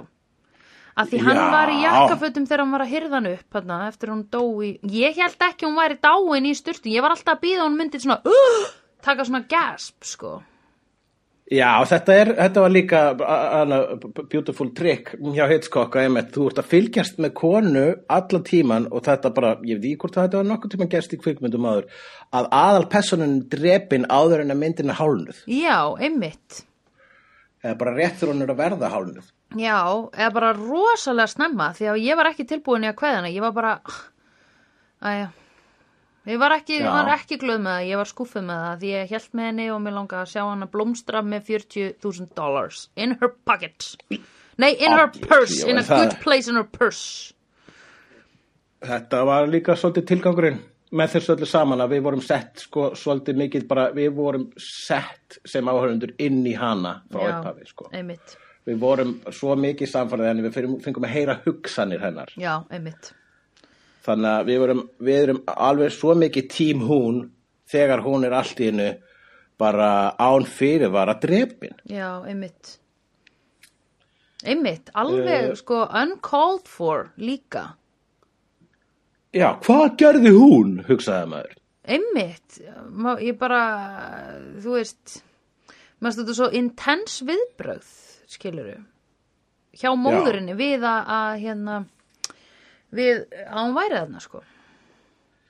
Ok, ok, og vissir þú þá, hvenar byrjar, hvenar byrjar þú að setja þetta saman í myndinni, að hann, Norman Bates og móður hans, sem að þú ert búin að tala um sem tvær mismunandi personur allan tíman, Já, hvenar já, vissir þú að að þær, þetta voru sama manneskja? um, þegar hann kom hann að henni í sturtunni þá sá ég eitthvað svona vákvæði skrítin hárkolla. Eða þú veist þá sá ég alveg bara svona þetta er hárkolla en út af því að ég náði myndina á hérna uh, ekki löglegasta hátt sem hægt er. Og uh, tó, náði í hana í svona 10-80 sem er óslega gott. Þannig að fyrst þú varst mjög, þú varst basically að segja, ef þú niðurhalar þessu að fara geggju gæði. Já, já. Ábyggilega betra en á The DVD sem þú lánaði mér og DFD-spilarinn vildi ekki spila. En hérna Já, bara líka þetta gömul mynd og maður sér stundum svona, maður sér svona betur, sko. já, þá- já, já. En ég, þú veist, þannig að þá sá ég alveg svona Wow, þetta er hárkolla og bara Þú veist, ég sá rosa skringilega fígúru Já, Þar grunaði mig þó ekki að hann væri í þessu heldur hugsaði ég svona eða ég hugsaði kannski ekki eitthvað mikið út í það ég held náttúrulega að þetta væri mamman en ég var eitthvað vá, eina ganga hreint til verks eitthvað, tóldi já, og ekki- mamman er með svolítið svona ómömmulega beinabyggingu eitthvað. já, og ómömmulegt hár og ég var bara eitthvað svona mm, Alveg ómömmulegt, sko, þetta var alveg ómömmulegt. já, Nei, nei takk, ómömmulega. já ómömmulega já eða ómömmulega nei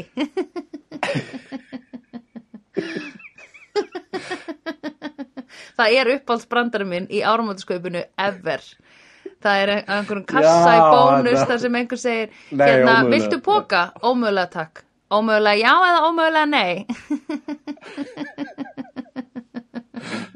Nákvæmlega.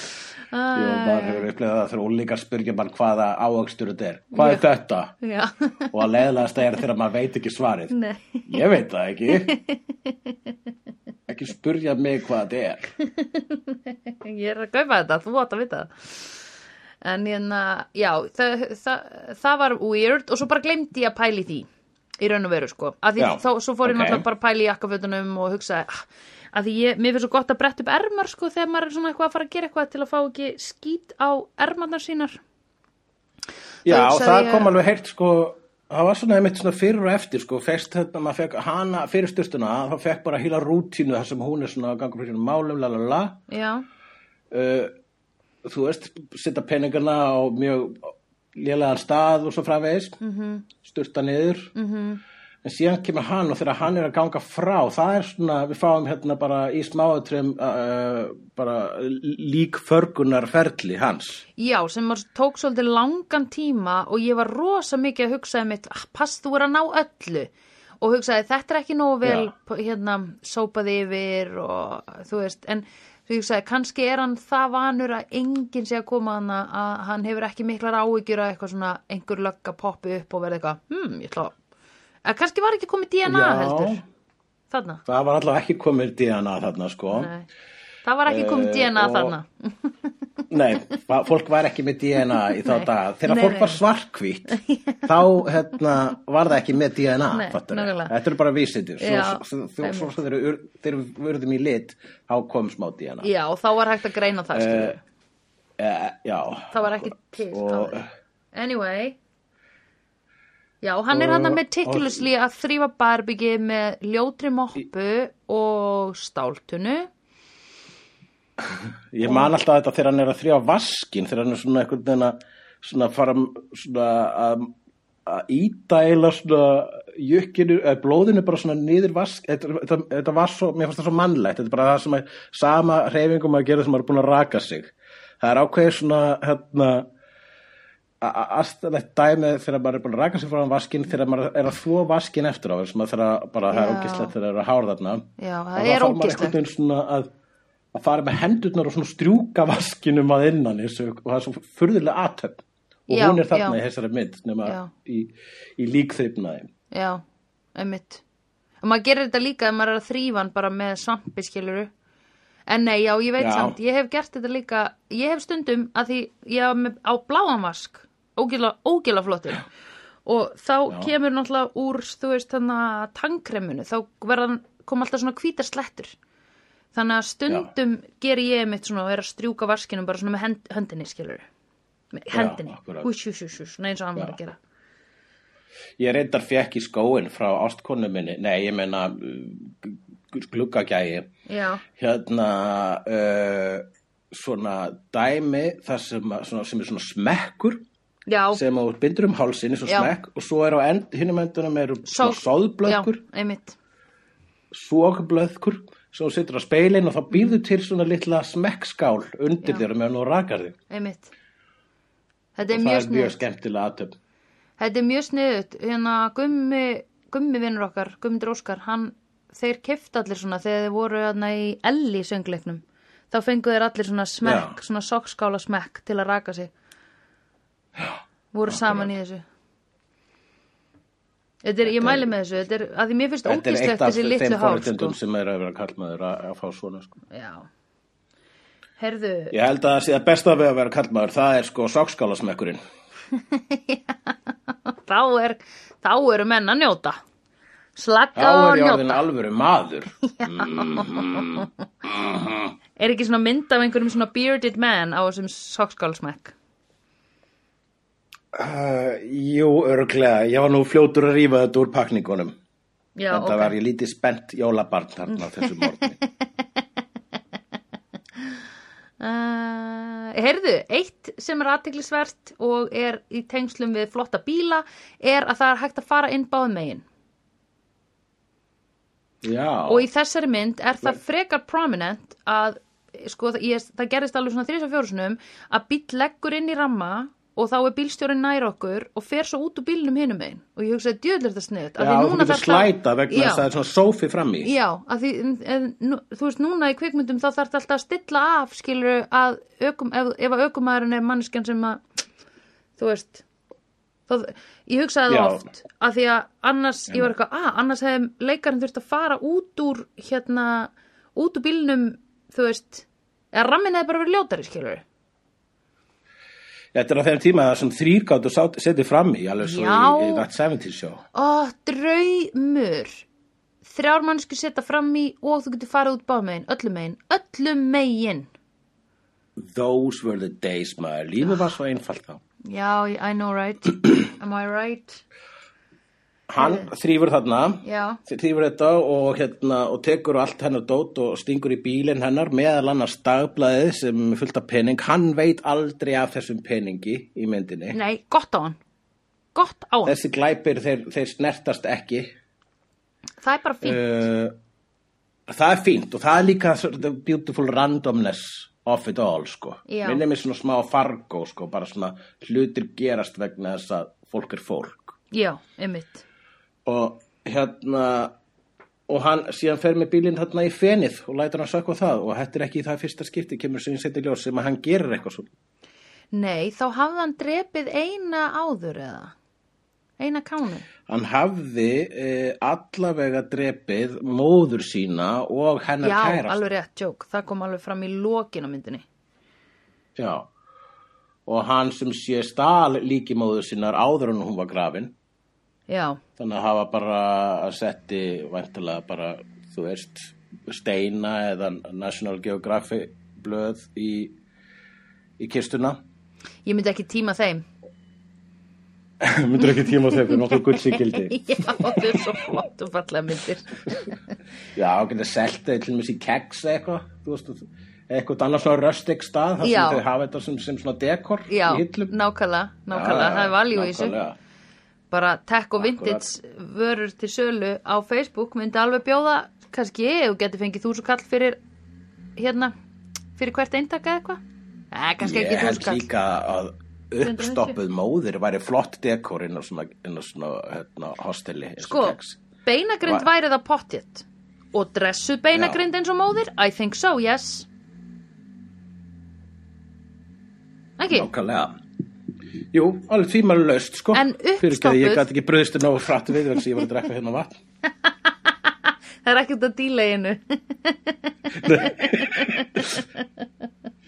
Ég held að þessi þáttur okkur í dag er svona róleri kantinum sko. Já. Sko, við skulum ekki fara að flott. greina þáttinn fyrir áhörvendur, leifum þeim að ákveða.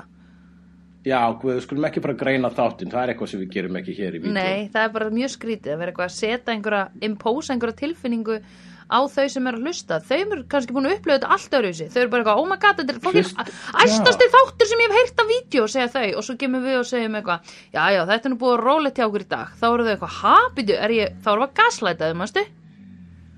Já, við maður ekki gaslæta sófakálin Ha, Ekki í lægi. fyrirgefið kæru sófakál Ég ætlaði nú ekki að, að þið ég náttúrulega gera eitthvað eigin hugmyndir Já, sko, um hvað þetta podcast er Sófagálur með tilfinningar, sófagálur með upplifanir. Nákvæmlega, við skulum ekki vera að gera frá, ráð fyrir því að Sofakál sé samt með tilfinningar og upplifanir. Nei. Það gæti verið ykkur þarna sem er hlusta á þetta sem er bara ekkert að gerast í hausnum á viðkomandi, það er bara svona suð. Nei, einmitt ah, Já, einmitt En býtu, ok, hvað hérna um, Hvert erum við komin? Mamman uppstoppu mamma. Nei, væri ekki til í það. Uh, Þá tölum við um Hvenar grunaði mig að þetta væri eitthvað í gangi? Jú, það skal ég segja þér. Þegar hann fór inn í herbergi til hennar og Mr. Argensile lappaði á eftir og heyrði hann þau ekki tala Arbogast, já. Hann heyrði þau tala. Þá var ég eitthvað svona já, ætla hann gæti verið að leika mömmu sína með Já. röddinni Ok, gaman, gaman. Ég finnst svo gaman að upplifa þetta svona í gegnum því samtilega. já, Uh, en svo þegar hann bar hana aftur út í rosalega flottri töku hann það sem hann fer svona upp stigan hann lappar hann í herbyggi og kameran fer svona upp og snýst svona niður og svona horfir svona ofan á stegagangi, mástu? Já, svona bird's eye, Yes, bird's eye view. super cool og svo lappar hann út með hann í fanginu þá held ég aftur hún væri lifandi þá hugsa Já, ég, ah, greið en svo hugsa ég, akkur heldur hann á henni en hún getur samt lappa á drepið en ég fór ekki lengra með það hugsun að ég var Já, spennt að vita já, hvað myndi er gerast Hún er rosa emitt, hún er svona, hérna, og svo svona frá á fæti eina stundina og svo Já. fara að bera hana aðra stundina. Já. Hvað er í gangi með þessa mömmu, hugsaði Sandra þá. Skrítið. Skrítið samband móðurs og sonar hér í þessari mynd, hugsaði Sandra. right Ég genúli var að horfa á þetta atriði núna í gær Já. og hugsaði í alvöru þegar þetta atriði var, hugsaði, hvað allir Sandra sé að hugsa það? Ég í alvöru hugsa.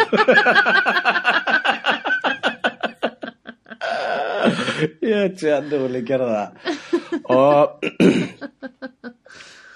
já, og hérna, já, allavega eftir að hún er drepin, hún Mhm. stúlkan okkar, þá færist sagan svona í smástund bara á, hans sjónarhorn, við fáum þessa tiltekt og, og þannig þrifnað og, og líkförgun, -hmm. en síðan fer, eh, fáum við söguna af eh, bara systurinni, elskuðanum og engarspæjaranum já. S-E-E og uh, hérna það er sem þau fara að rannsaka málið og, Einmitt. hérna, og, og þá bætist á the body count og, og þessi tvö morð, þetta er náttúrulega frægt, frægasta morði í kvikmyndunum er sturtumorðið en síðan fáum við að setna morðið þegar einhver spæjarinn er drepinn þarna. Bæði bird's eye view og síðan þegar hann dettu niður tröppurnar já, í mjög listrænu atriði. Já. Stungin í hérna ennið. Já, já. og svona skorin yfir andlitið nánast sko. einmitt. Uh, það er geggjað drópsatriði. Já, að fá það svona ofan. Já, einmitt.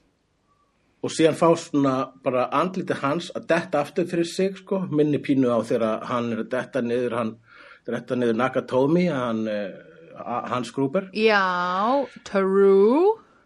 Og fá svona skelvingu, ég er að deyja í framann Já, og þetta er tekið fyrir framann sko kvikmyndatjald þannig að hann er svona að þykjast þetta aftur fyrir sig og svo er bara er, er, hérna, fyrir aftan hann er sagt kvikmyndatjald af myndavelina að hlaupa niður tröppunar Já. Já, ha, býttu, segð þetta aftur. þetta er svona kvikmyndatrykk þar sem hann Já. basically var að leika það að hann var að detta aftur fyrir sig Já. fyrir framann tjald, kvikmyndatjald sem var bara sína upptöku Já, Af já, að renna niður skil, já, vá, ok, wow, wow, wow, þetta já. er svona gerfilegt en samt opaslega cool sko. Já, nei, að því þar var fókusinn ógisla skrítin og líka þegar hann, þegar hann byrjar að lappa upp en hann stiga, þá var það allt í einu svona, eh, það var rosa, ég tók eftir því og líka einmitt þegar hann var að detta, hvern, einhvern veginn fókusinn var weird. já Það Minnir er mig. mikið að vera að nota svona, einmitt, einmitt svona kvikmynda brellur hérna Já, í atriði sem er svona yfirborðinu er, er slag hverstaslegt sko. Já, ég skil. Einmitt, very cool. Hann er dreipinn, sýstirinn og, og elskuinn fara þá að reyna að að rannsaka hvað var þeim ekki bara sýsturina sýstur, sýstur sýsturinnar reynar, heldur líka einhver spæðaran Mm Að því hann kom, uppgötaði Og- smá og sagðist að, sagði þeim frá því og ætlaði síðan að tjekka meira, ringið eftir smá, segja, guys, Já, this is ringi it. eftir smá og svo bara er hann dreipinn og þau bara svona hmm, hann ætlaði að fara að taka viðtal, hann ætlaði að fara að tala við þessa mömmu og svo er hann horfinn, hmm, hvað hefur gerst? Uh, og svo finna þau hafa þau upp á einhverjum fókitas og fókitas segir, já en mamma hans Norman Bates er búin að vera dáin í tíu ár, tíu Já. ár tíu ár. Og þau bara, ha? Og þá spretta fram þar kenningar, byrju, hún er þá ekki dáin. Hann er að geima hana þarna í húsinu gegn vilja sínum. Einmitt, einmitt. Herðu, það er en eitt sannleikurinn bæði pingulítið, flóknari og einfaldur en það. Já, en pingulítið atriði er þarna þegar þau fara heim til löggunar sem að útskýrir, sko, að því að konan hans er þarna með honum, kona löggunar. já, og það kemur á einum tímapunkti þar sem hann segir get me eitthvað, hérna, ég vil fá samband við þennan einstakling konan tekur upp síman og segir heyrðu, geturðu, já sæl geturðu tengt okkur við þennan? Og hún segir, já, og á henni línu segir já, svo vel, og hún réttir löggunni síman skilur og ég já, hugsaði, já, hún ringi ah, bara í operator og hérna, já, þetta er vinnan mín. Hún er hans coordinator. Já, ok það að þú tengdur þá allt í henni mest við konu fókitans að ég var alveg svona, ég, ég er alltaf að gera svona dót, ég er alltaf að gera litla hluti fyrir fólk sem það gæti gert sjálft, en ef það þyrti að Já. pæla í þeim hlutum þá gæti það ekki sint vinninu sinni, fattur þau? ég skil, akkurat Mhm. Meðan Já, að þetta er hérna smá svona, mikilvægt tannhjóli vel smurðri vél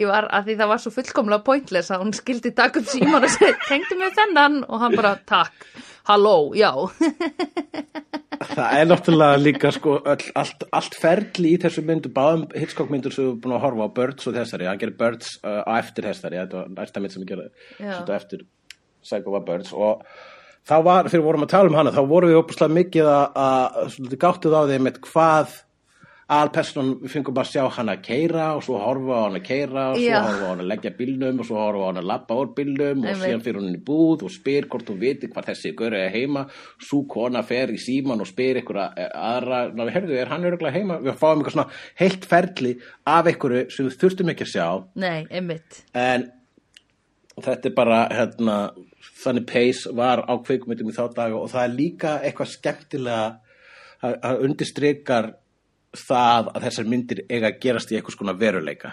Já, akkurat. Ég kann vel við þetta á þetta ég hef líka lagt bíl. Já. Líka sko, skotin á til dæmis löggukallin sem er að fylgjast með henni þau eru svona 20 já, Þú veist, ég var alltaf bara, yeah, I get it, hann er hana Yeah, I get it. Já. Það var alltaf verið að bara- yfir á hann hún var sjálf bara að hugsa hann er bara að gera lögga, ok, Já, þarf ekki að fara þú veist, að taka einhvern fyrir hraðakstur eða eitthvað, please, hættu að horfa mig. Já, einmitt. Viltu ekki eyða peningum skattborgara einhvern veginn aðeins öðruvísi heldur en að eldast við mig sem hef engum gert nema hyrða pening af fucking óþægilegum kúrega, skilur Ég borga ekki skatt svo að löggan getur bara verið fyrir frama mig í Joe and the shit. Einmitt! Að taka minn tíma Ná, með sinni óþægilegu nærveru. Ó, með sinni fokkin óþægilegu nervuru Jesus Christ, Já. sko Ætlar þú að taka upp síman í bílaröðin og Joe the Cook til þess að, að kannski senda mm, á hullavinn sinn? Ég er í röðin á Joe the Cook hlakka til að taka upp podcast með þér. Nei, nei, hvað gerir löggan? Lappar út um fokk í bílnum og segir Akkur er að taka upp síman uh, Ég get sagt að þið 30.000 krónu fyrir því. Það Ert þú að panta eitulif á TikTok? Já, Eitthvað einmitt, nákvæmlega. Nei, fokkin lögga. Ert þú að fara að búa til eitthvað hip-hop og OnlyFans? Já Æ. Ég er búin Eh, já, ég, þá fá, Það er það Ég ætla að fara að tala þá bara samfélagsmiðla svona, og ég nenni ekki nei, við skulum ekki það. Eh, Þá allavega þau leysa málið, komast að því síðan þegar hérna, þau ganga almennilega í málið, elskvíin og systirinn og, Já, og meðan uh, elskvíin er að yfirhefa Norman á mótulunum laðist systirinn í húsið Já. og finnur þar e, rannsakar efri, efst, efstu hæð og miðhæð og finnur síðan lokum uh, kerlu í kjallara Já. þar kemur uh, eitt af aðal tvistunum um að mamman var þarna allan tíman vissulega en ekki á lífi. Einmitt. heldur uppstoppað lík svo Einmitt. gott sem einmitt Þetta er, uh, þessi bók og þessi mynd er uh, undir áhrum frá uh, morðingja, alvöru morðingja sem að hétt Ed Gein og ég hef minnst á hann áður í þessu podcasti þegar við vorum að tala um kvikmyndina Silence of the Lambs sem var líka undir Ok. áhrifum frá þeim morðingja og uh, þessi morðingi var, hafði með mikil áhrif á kvikmyndir vegna þess að það er uh, þriðja hryllingsmyndin uh, byggð á honum Ed Gein er á listanum okkar og hún heitir Texas Chainsaw Massacre og verður eitthvað til að tekið fyrir. Já, ég er spennt að horfa það Er það ekki? Það verður geggjumynd Er ekki Íslandingur að leiki henni? Það er gegg. Það eru Íslandingur sem er leikur uh, aðal morðingjan í þeirri mynd. Einmitt, þetta vissi ég Gunnar okkar Hansen. Já. Einmitt Geðvikt Pældi ég að vera Gunnar Hansson En, en ég veit ekki hver hinn er Ég bara veit að Já. hann var íslenskur það er, það er, það er Gunnar Hansen og Gunnar Hansson Já. er, uh, ég myndi segja okkar bestu Gunnar, Gunnarar í, uh, í leiklistadeildinni. Já, já, já, já, já Einmitt. Okkar allra bestu Gunnarar. Okkar, okkar allra bestu Gunnarar. Býtu, og hvað gerist, já við sjáum hana, já, svo kemur bara eitthvað svona klift inn á löggu, hérna, nei, heyrðu, Svo fáum við bara stort feitt uh, exposition í lokin þegar kemur sálfræðingur og útskýrir allt sem er að gerast með þannig Já. einstakling. Já, og svo fáum við lokum að heyra hugsanir morðingjans. Einmitt, og þannig endar myndin. Ed Gein, hann sem sé gróf upp móður sína. Já, uh, og Ed Gein var líka að búa til föt úr mannahúð eins og í Silence of the Lambs. já, já, já, já, já, já, uh, hérna og uh, bla bli blú bli bla og þá er þetta staðfest að uh, hann Norman og móður hans eru sama manneskjan Mhm. uh, varst þú, varst þú, þú varst búin að fatta það þá já, já, já, já, já, já, ég, já, já, hann náttúrulega er klættur, hann kemur klættur, hann að, uh, Já, það staðfestir það almennilega þegar hann kemur í fötunum hérna með sitt furðulega, furðulega glott. Minni mig á Halloweeni með þegar gríman er tókuð af Michael Myers og það sér eitthvað svona, "Ö, þetta andlita hans, weird.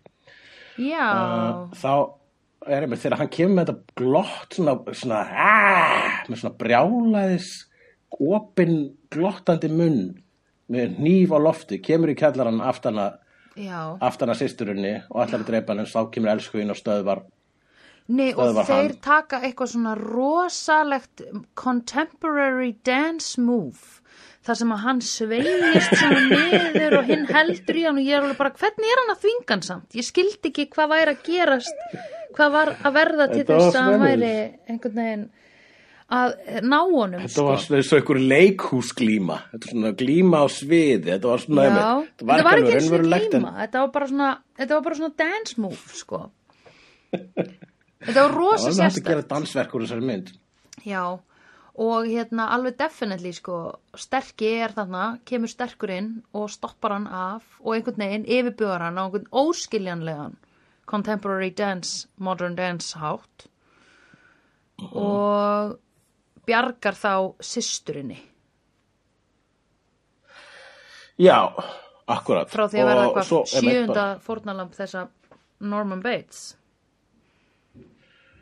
Akkurat, og þá kemur bara að loka með mig, þá fáum við sálfræðing sem segir, Já. jú, sagði til, uh, Norman Bates er í rauninni ekki til, eða bara hann er bara að hálfu leiti til því að hann deilir hér eh, persónuleika með móður sín. Já. Það er bara að deilir líka með móður sinni.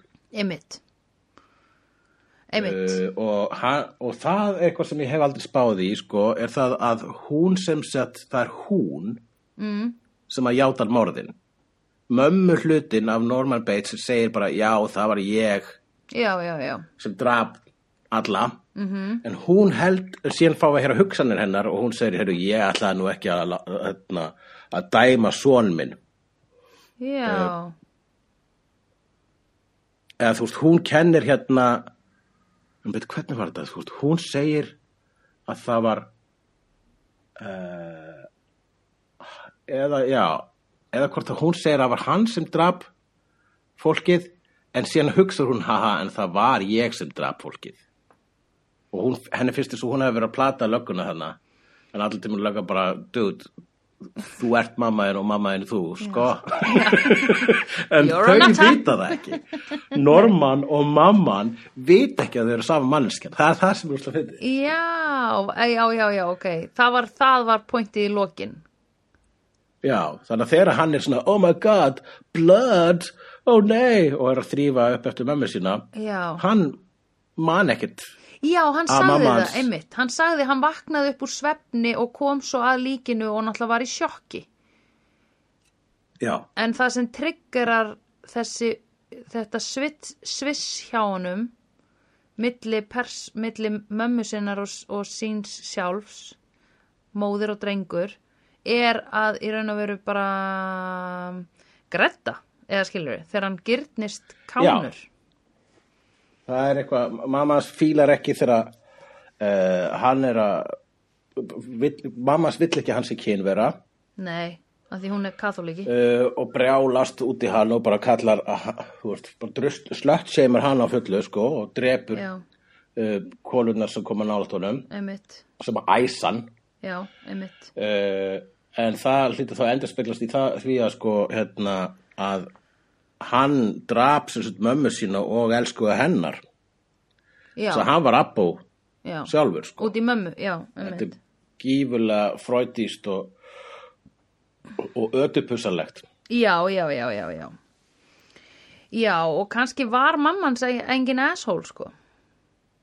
Var það ekki? Já, það ekki fram? það, mammas, já það, það er bara að þetta geta. Það er þetta að uh, gíska ímislegt í eðurna hvað var það þeirra fortíð það eru nú til framhald af þessari mynd það er til Psycho 2 og Psycho 3 Við tjekkum á því, ég þarf að taka Eh. þetta símtal, sorry. Slell. þetta er bransin elskar mín Já, já, dyndu, ég er ekki hvarta. bara. Herðu, cut back Nei. to. Uh, það kemur, Psycho Back 2, to. Psycho 3. Psycho 2 og Psycho 3 það er vegna þess að þetta bara, já, þannig, eh, þannig læstir þessi kýrfilega inn í the slasher genre vegna þess að þetta er ekki almjölulega slasher nema þú fáið þín framhöld sko. Nei, ég hef nú ekki séð Psycho 2 eða Psycho 3 ég man ekki eins og hvort það sé til fjögur en það sem er til er mjög merkilegt fyrirbæri sem er Psycho endurgerðin sem er frá Ó. late 90s Nei, 97 eða eitthvað svo leiðis ok, er það ok, ekki þetta weird? er svona mynd það er einmitt weird vegna þess að þú veist þessi mynd er á svona heilugum stað og fólk segir nei, þú, það er sumt sem þú bara endurgerir ekki og Psycho er eitt af því uh, það er leikstjóri sem heitir Gus Van Sant sem að leikstyrði þeirri mynd -hmm. og mér finnst hún vera uh, mjög athyglisverð kvikmyndarlega. Það er mjög gaman að stúdera hana kvikmyndarlega vegna þess að ólíkt mörgum endurgerum þá er þessi svo kallað shot by shot, shot for shot remake sem þýðir Já, ok. hún er nákvæmlega eins upp á hvert einasta skot What? Og einasta geta þau geta notað sama settið af því að þú ert búin að sjá það í Universal Studios. Vegna þess að notuðu nefnilega ekki sama settið, vegna þess að endurgerðin er í lit og Já. þá er bara myndin gerð og hún er látin gerast í the 90s, þannig að það er hlutir sem breytast eins og uh, einmitt, innan hús arkitektúr og föt og bílar og peninga upphæðir, 40.000 Já. dólarar breytist í 400.000 dólarar. Wow, ok, inflation much? Anyway, Já, og ég hef einmitt eitthvað tíman, einmitt hérna á Nakatomi á aðtiklisverðum þingudegi með andru vinkonu okkar, þá horfðum við Já. á Psycho upprunalegu og Psycho endurgerðuna back to back og það er nú skrítið, það er ég skrítin reynsla. því. Ég trúi því. En það er ógislega gaman að bera það saman, þú getur fundið YouTube-myndbund þar sem að hérna, þú sér þær svona bara saman myndirnar Já. og það er rosalega fallegi litir í Gus Van Sant útgáfinni Já. og ég held að þetta var eina leiðin til að endurgera þá mynd vegna þess að sko, ég þetta var, hún er raunin bara eins og fanart, þetta er eins og einhver Já, svona, er að gera, er að, hérna, að gera bara, eins og þetta, gera svona tilengun til þessara myndar, ástarbrif til einmitt. þessara myndar jafnvel. Og það eru nokkrir litlir munir líka á hvernig þessi eh, saga er í lit og, og, og hvernig hún er svarkvít. Til dæmis eru svona skrýtnar ákvarðanir eh, og þá þykir mér eftirminnilegast að þegar að eh, Norman Bates í endurgerðinni mm. er að kíkja í gegnum gæjugatið mm -hmm. þá er hann augljóslega að runga sér. Wow. Við heyrum sá svona litla svona hreyfingu á honum Já, ok. og heyrum svona lítið runghljóð. Ó, uh. Já, það er afar aðtiklisvert. Uh, auk þess er svona bara eitt atrið þar sem að hérna, uh, þegar hún er að gæjast, í, hún er að skoða húsið áður en hún finnur mömmuna í kjallaranum, sýstirinn, þá, finn, þá fer hún í herbyggi hans Normans og uh, finnur hérna uh, finnur bók Já. í svarkvítu myndinu þá finnur bók og horfir á hana og við sjáum svona svipinn á hana eins og hún sé að horfa eitthvað svona oh my god, hvað er þetta? Já, í endurgerðinni þá er hún bara basically finnur hún einhver svona klámblöð bara já. sjáum ok. sko það er grafískara kynferð kynferðislega grafískari Já, já, já. endurgerðin en þó bara upp á sekúndu nánast sama myndin struktúrlega uh, Ok. ég get sagt þér hverju leika í endurgerðinni Já, það er í Elskhuyin mm. er leikinn af Viggo Mortensen oh my god, vinur okkar og Lord of the Rings. út á lordaranum sko uh, hún hún uh, alpersonan uh, Marion, hún er leikinn af Anne Heche Anne Heche? frægust fyrir já, Heche, emmitt leik, var hérna var hérna kærasta uh, Ellenar í Já, smástund alveg rétt. uh, og svo er það systirinn sem er leikinn af Julian Moore Já, uh, og uh, engaspærin leikinn af William H. Macy okkar úr Fargo já, ok. og Norman Bates er Vince Vaughn Býtu, er hann ekki einhver sem var alltaf í Tarantino? Vince Vaughn er í, meira í svona Ben Stiller myndum Nú, ok. Ég er ekki alveg viss hvað þetta er. Vince Vaughn Vince Vaughn úr uh, Dodgeball Vince Vaughn. Öxla góður vinnur Owen Wilson hann er úr því gengi Vince Vaughn Sandra, Vince Vaughn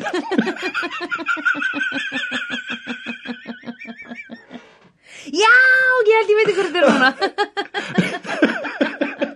já, já, já. Hann er svona dekkarður og svona stór. Og Svona Já, hann er mjög háa sem aður Já, hann hefur svona eitthvað hann hefur eitthvað fólki fyrst hann sætur sko Já, kannski deyta hann hérna Jennifer Aniston eða eitthvað les. Hann lék alltaf í mynd með Jennifer Aniston sem hétt The Breakup Já, já, já, já, já. Já, já, já, ég veit, ég er svona eiginlega er að koma andlitinu fyrir mig en ef, ég googla hann þá er eitthvað, ok, right, this is the one, eða eitthvað les. Ég nenni ekki að Eh, googla, ég þá missi ég aðtigli. Allt í góði, elska mín En uh, ég hérna ætla núna að uh, fara yfir nóturnar mínar. Já, einmitt. Í eitt af fyrstu atriðunum þegar hún er að tala við samstafskonu sína. Já, rétt áriðinu creepy kúrikin kemur. Uh, þá segir hérna þá er hún með svona segir hún aðeins frá sínu lífi samstafskonanar og segir setningu sem er einhvern veginn að þess leið Teddy was furious when I found out I was uh, I was taking tranquilizers. Og þá er hún að tala um það að hún hafi basically byrjað að tekið svona hérna einhver verkjalif valjum, já, eitt af val, já, valjum uh, þegar á fyrir finnst það er bara eitthvað sem konur gerðu bara svona, þú veist náttúrulega maður sefur ekki fyrir hjónaband og svo eru kannski bara þetta svona mömmur á því, hérna fáðu svona valjum fyrir brúðkaupsnótina. Það var bara svona húsráð í þá daga. Oh my god.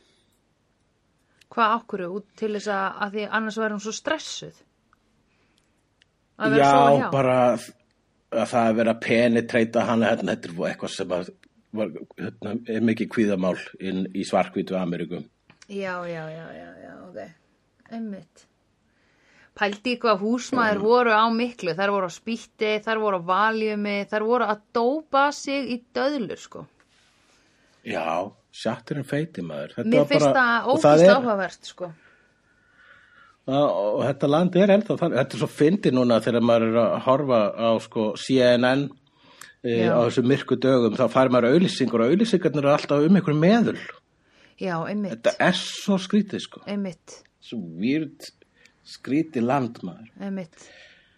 Þetta er fucked up shit, Mm. sko. Norman getur ekki sagt closet, skrifaði ég hér. Þegar hann er að sína henni Marion uh, herbyggið, Já, þá bendir hann á closetið og segir and svo kemur bara svona það kemur ekki svona orð hann segir bara and pása over there bendur á closetið, hann þorir ekki að segja closet sko. já, Þannig að- einmitt. Það er, maður segir ekki, maður fyrir ekki að tala um closet við konur, ókunnuga Nei, konur það er dónalegt. dónaskapur sko. En eitt sem hann gerir sem er svona, ég fekk svona, ó, næs, ég sammála þér, er þegar hann lappar hann í herbergið og segir bara, uff, heyrðu, hér er nú dálítið þungt loft, það þarf að lofta eins út. Og svo opnar hann klukkana Já. og loftar út og ég fekk svona, ó, þetta er svo gott, að ég elska ekkert meir en að lofta út.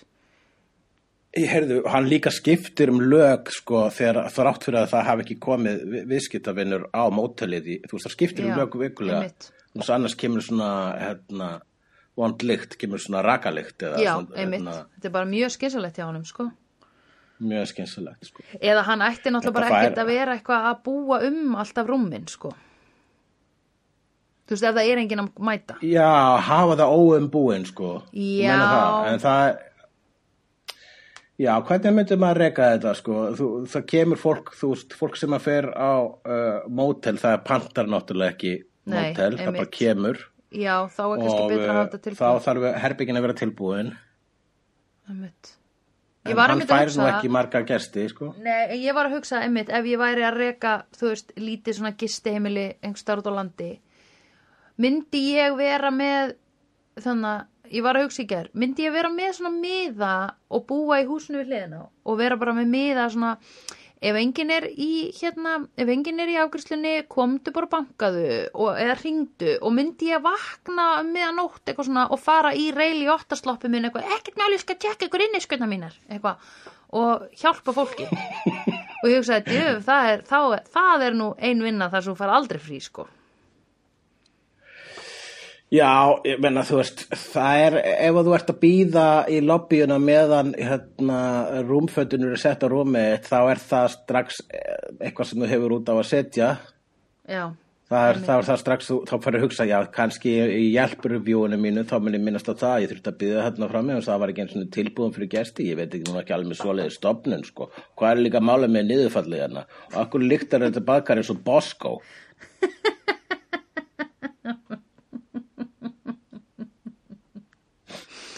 uh, yes, very good Uh, uh, vá, ég her bara sko, ég er búin að, er fullt blaðanótum en ég, mér hefur einhvern veginn tekist að minnast á þetta allt hérna í þessu podcasti, ég er nú svolítið stoltur af mér hérna sko. Já, þarna varstu duglegur. Einbeittur og flottur.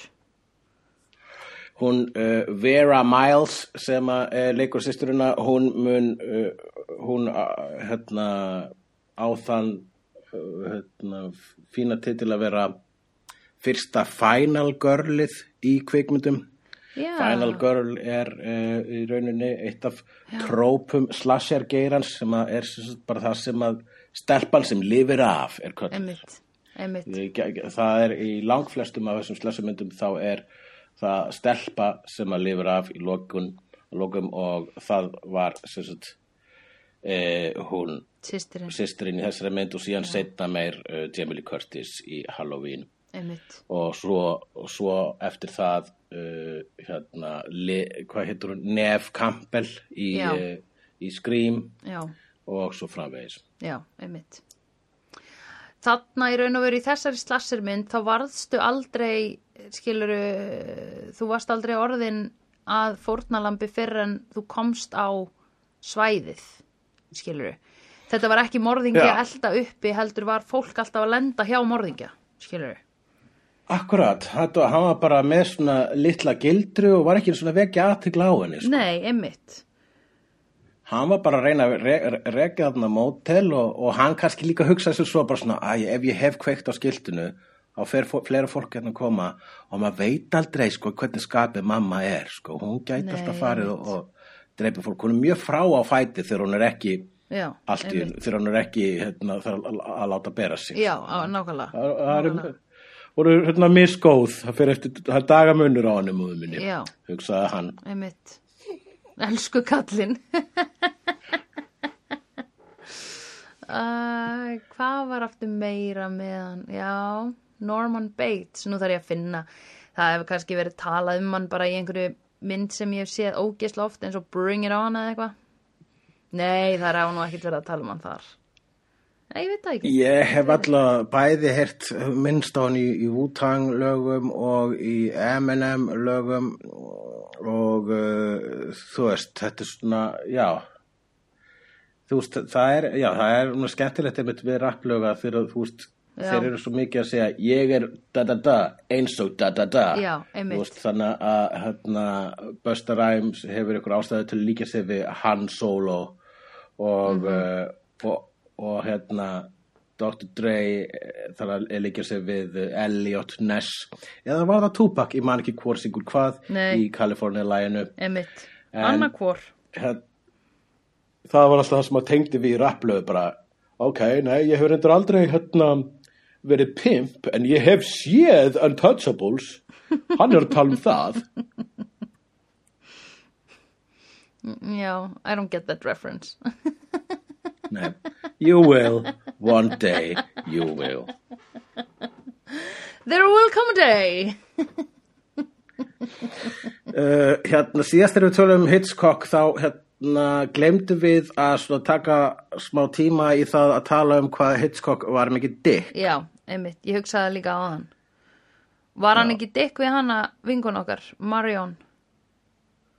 sko samkvæmt sögunni þá var hann ekkit það mikið dick við hana. Allavega sko húst, hún talaði um að þetta var, mikil þraut að ganga gangi gegnum þetta styrtu atriði sko. Já. þetta fimm daga uh, bara heil vinnuvika fór í það Já. og uh, uh, en það var reyndar ekki hún í styrtinu allir tíman heldur var hérna body double. Já, of course. Líka mjög mikið. Og það er hægt að reynda það til heil heimildamynd um þetta styrtuatrið það til 90 mínútna heimildamynd sem fjallar bara um styrtuatrið Oh og ég var næstu búin að horfa á hana fyrir þessu upptöku og svo hugsaði ég það, there is such a thing as of mikil heimavinna. Já, einmitt við horfa þetta seinna. Já. Einmitt, líka við erum ekki upplýsingapodcast eða hvað?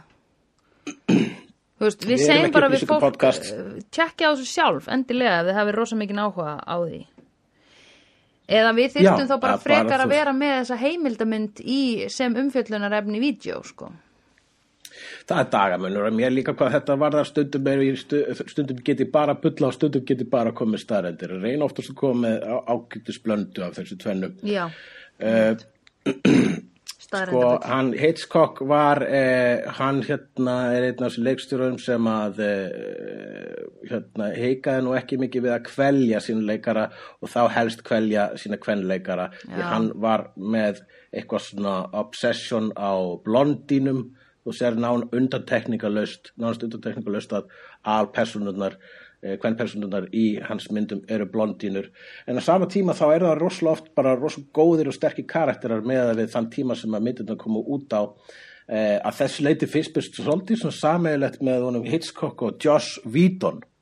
Já, sem getur gert á bóslega flott, getur gert rosalega flottar sögur Já. með flottum hvern personum Já. en er síðan bak við tjöldin bara eitthvað með eitthvað fárálegt bara, já. Já, fáralega lítill og pathetic gaur inn í já, sér. einmitt. Og einmitt, og misnóta þá þannig völdin sín sem að hann gerði við hana tippi hedren í Birds það, hún, hún kom illa úr honum sko. En Janet Lee samkvæmt því sem ég lesið kom ekkert sérstaklega illa úr honum uh, hún bara svona er mjög stolt af, af þessari hérna, mynd og, og sinni þáttöku í henni sko. Er hún ennþá lifandi? Uh, ég bara man það ekki sko, ha, ég múið léka móti sko dóttur sinni í Halloween 7 Wow, ok, eða kvikmyndin H2O 20 years later. Ok oh þar er lítið atriði þar sem að Jamie Lee Curtis þá orðin miðaldra uh, Halloween survivor er að tala við samstarfskonu sína sem er leikina móður hennar. Oh my god. Og ég held að meira þess að mamma hennar, Ja- Janet Lee segir í myndinni uh, yeah, well, I'm going home to take a shower sem var eitthvað svona hint hint. Og síðan kemur eitthvað svona þegar hún kveður þá fáum við svona smá svona wí, wí, wí það kemur svona Já, smá einmitt. svona ómur af uh, psycho tónlistinni Já. í Halloween H2 og, og er það það skásta við þá mynd. Mæli ekki Nei, með ok. þeirri Halloween mynd. Eins og uh, 80% Halloween mynda þá er hún ekkit sérstaklega góð. Nei. Aðal og best er fyrsta. Aðal og besti fyrsta. Já Við höldum því þannig það er skoðun okkar vídeo Númer þrjú, og Don't síðustu tvær Bother. eru flottar líka. Ok. Um, Já, hvað meira? Já, bara þú veist, það er hægt að þú getur séð eitthvað svona óm af þessu creepiness í honum eða maður horfir á kvik- kvikmyndina Hitchcock, þar sem Anthony Hopkins uh, leikur hann Já. og svo til önnur kvikmynd sem heitir The Girl sem að, það sem að Toby Jones leikur hann og ég hef ekki séð hana en mér skilst að Hitchcock komu töluvert verð úr þeirri mynd. Já, ok. Uh,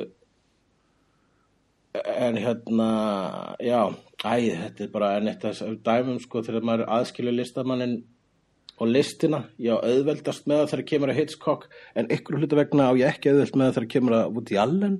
Nei. En Joss Whedon e, mjög auðveld með það sko mm. menna þú veist, við vorum horfðum á við horfðum á alls uh, 13 sjóasmynda serjur, nei hvað 12 sjóasmynda serjur Já, sjóastataserjur Já. saman eftir Joss Whedon og gerum podcast um þau lofsungum það í hástert og svo þegar við vorum búin að taka upp alla þættina þá var það almennilega staðfest í fjölmjölum að Joss Whedon væri ógeð og við hugsaðum that's good timing. Já.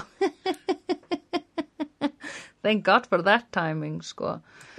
Nei, hérna um, Já, já, já, já, já. Hann er samt, sko, mér finnst hann einhvern veginn fá líka, þú veist, hann er það er búið að áta hann sem algjöran asshole. Mér eiginlega sama um að Alfred Hitchcock hafi verið asshole. It was a different time. Og bara yeah I know skilur það er solid afsökun. Já, það er bara, þú veist, þið sem eruð að gera svona periódu dót og haga ykkur eins og fáiðar í einhverju sem þeir eru að gera í dag, mm, ég spyr mig, eruð það að gera þetta til þess að fá útrás fyrir þetta, eins og þú veist, matmenn og allt þetta dót, skilur eða eru þið eitthvað að reyna að benda okkur á að einhverju voru fáiðar í allan dag, because we know it has been declared, en með eins og Joss já, Whedon, já, það sé bæði sko. Já, já, alveg fullkomlega sko.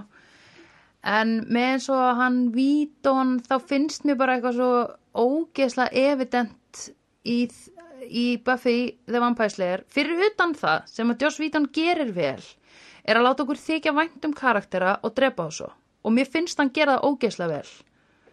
Og og það er það sem hitt sko að gera líka. Já, 100% allavega í þessari mynd. Og ég fíla það og mér finnst að fólk eigi að læra af þeim með það, skiluru af því að ég er alveg komið með upp í kók af hérna draga á langin sjómasefni og bíómyndir.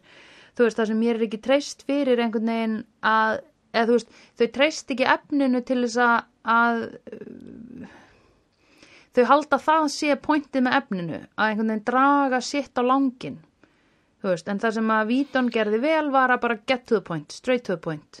Ah, hérna er gamall Já. maður hann segir eina setningu og ég elska hann strax. Ó, oh, drepin, eða skilur ah, vampíra, Já, eða eitthvað, þú akkurat. veist og Jú, jú, algjörlega, ég, mér finnst að mér, finnst- það er bara einmitt, nákvæmlega sem að elskar við Vítón er það að hann hann, hann drepur, hann lætur mann elska eitthvað og drepur það síðan, hann Já. spila með tilfinningamanns Já. það sem hitskokki líka, hann er að spila með tilfinningamanns, það er ekki Já. til meiri manipulation en það einmitt að, að búa til nýja reglur um hvernig að horfa á myndina sem þú varst að gera sem sagt, uh, bæði stróka út all, að bara kaupa allar bækur í borginni svo að sé ekki spoilerar. Það var ekki til orði við spoilera þá. Nei, einmitt.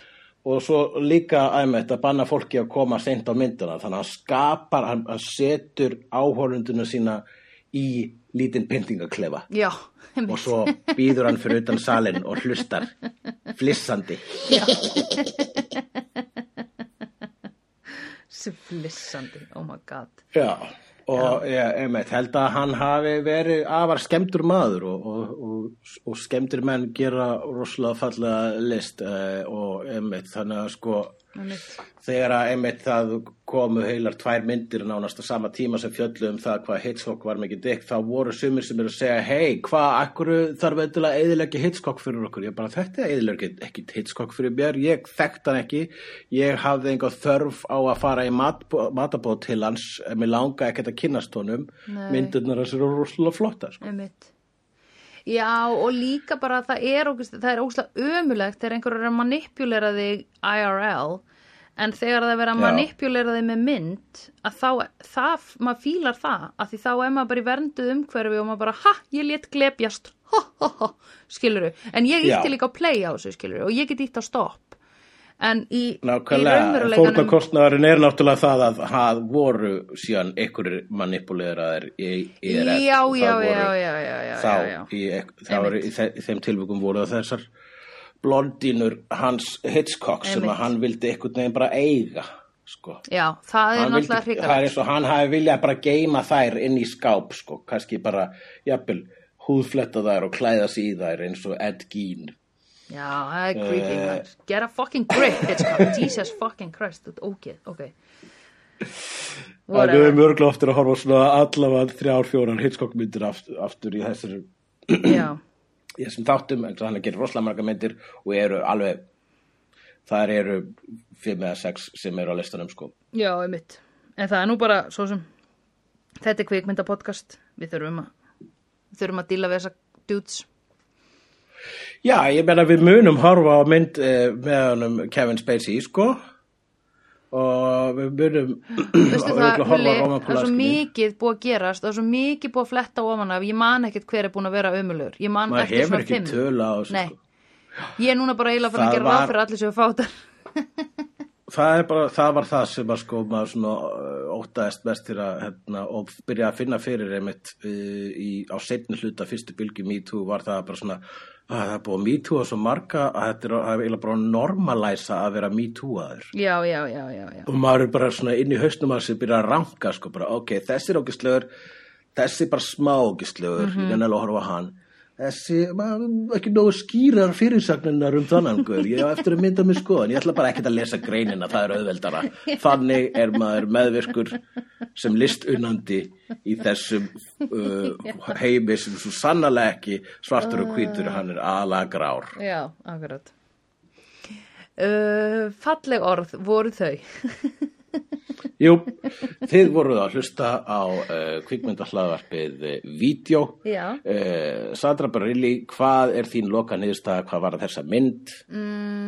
Mér fannst Eða það er hún... að segja, hvað fannst þér hún? Já, hvað fannst mér um hana? Mér fannst hún bara, mér fannst hún uh, mjög flott og mér, langar, mér langaði að hafa hana aðeins lengri um hana vinkonu mína, Marion og ég hefði eiginlega verið til í að hún hefði farið í ferðalag á nýja bílun sínum. Ekki þurft að gista á Já. þessu móteli hana fyrstu nótuna, sko. Akkurat, ef að þú myndir endur gera, þú myndir endur gera myndina. Já, oh my god, má ég segja það? Ok, heyrðu, ok, hún er að keira og ég ætla að láta hana líka keira í svona vondu veðra því það var ekki gott, sko. Hún keira áfram, heyrðu, hún fær, ok, leif, nei, ég ætla að leifa henni að gista á þessu mótili en hún var ekki drepin. Gettu hvað? Hún fer inn og bókar herbyggi, gæðin segir, öll herbyggin laus, hún segir, oh my god, má ég fá besta herbyggið? Og hann bara, mm, já, það er nummer eitt og hún segir, nei, nei, nei, nei, nei, besta herbyggið með þessu view er nummer 12. Ok, hún fær herbyggið nummer 12 sem er á endanum, þannig það er ekkert gæjugat, Já. skilur Svo sér hún, ok, tökum eitt smá creepy og það er atriði þar sem hann er svona lurking fyrir utan hennar herbyggið hennar og hún kemur út og bara hvað er að gera hérna? Vantaði eitthvað? Á ég eftir að borga eða eitthvað? Og hann bara eitthvað, "Ö, nei, ö, og verður óslega hrættu við hana, þannig að hann fer, skilur Og þannig að hún fær bara að sofa, óslega vel, geggja næs, vakna snemmi morgunin, hann er búin að gera morgumat, að því hún sagði at dawn, hún vildi hún fá að borða og hann græja það, hann gerir uppáhaldið hennar sem er hérna ristabröð með osti og Já, það er tilvílun, hann vissi ekkert að það var uppáhaldið hennar. Nei, það var algjör tilvílun sko. Þannig að hún er bara, ó, ég dyrka I, I love a toast in the morning segir hún sko. Já, akkurat. og hérna og fær sér kaffi og svo segir hún, jæja, nú ætla ég að leggja í hann. Herðu svo, svo er hún að fara að tjekka svo út oh my god, hérna kemur smá svona hú hjá, frá mér, hún er að tjekka svo út afhenda leikilinn og eitthvað og svo er hún svona eitthvað að klappa, þú veist, svona eins og fólk segir liklar, veski, síma, gríma hann rútínan þín Já, uh, uh, veski síma, likla gríma. Já, emitt Nei, likla síma, veski gríma. litla síma veski gríma hún er að gera það, þangað til hún allt í hennu bara oh my god, the newspaper I left it on the hérna náttborð, not like Sandra my friend told me, put it in a fucking suitcase, ok?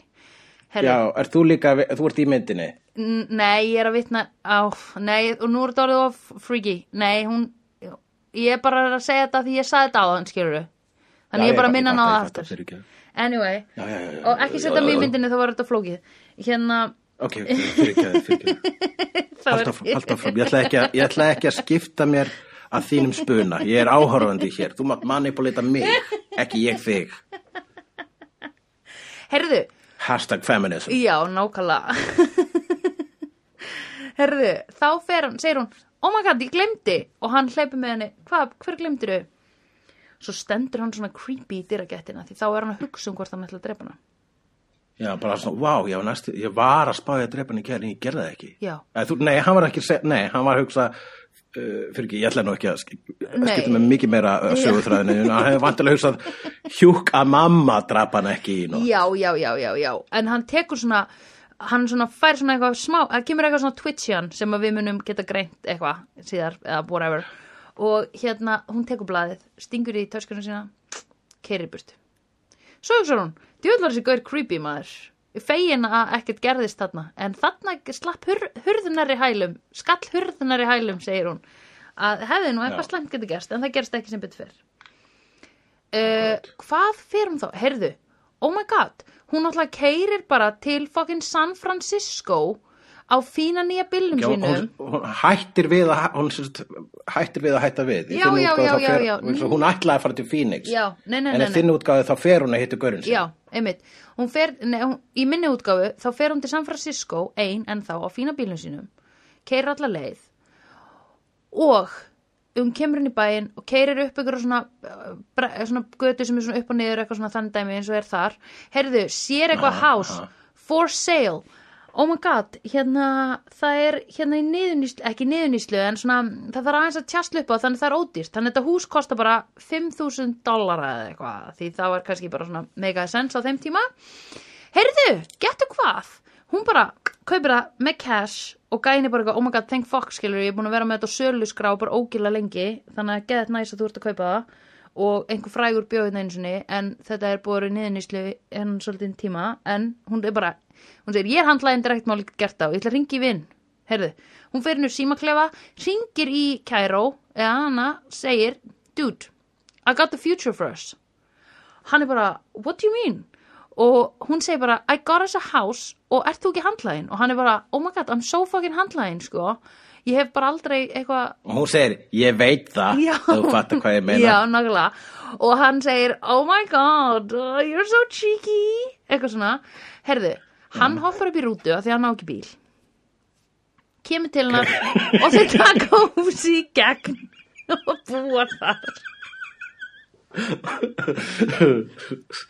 Þetta er Psycho eftir Söndru Barilli mynd um konu sem stelur pening er með smá áhyggjur af því en svo blessast allt Hún fekk svo, kannski ekki poltergeist húsið eða reyli í áttasloppin en hún fekk hús í Já. svona San Francisco brekku Já. eins og í uh, uh, uh, uh, Mrs. Doubtfire Já, eða eins og sem er líka mynd um kall sem klæði sig eins og kona Já, rétt. Tenging Hvað heitir aftur myndi mín skemmtilega hérna, skemmtilega með Cameron Diaz þar sem er búið í San Francisco Sweetest Thing, eða ekki? Já, Sweetest Thing, já, akkurat Já. það, mér minnir að svo mynd sé í San Francisco, það er það Já. myndin þar sem að Selma Blair festir munnin sinn utan um tippi Alveg rétt. Nei, hérna tippi festist í... Býtu, ha, já, hvernig festist það?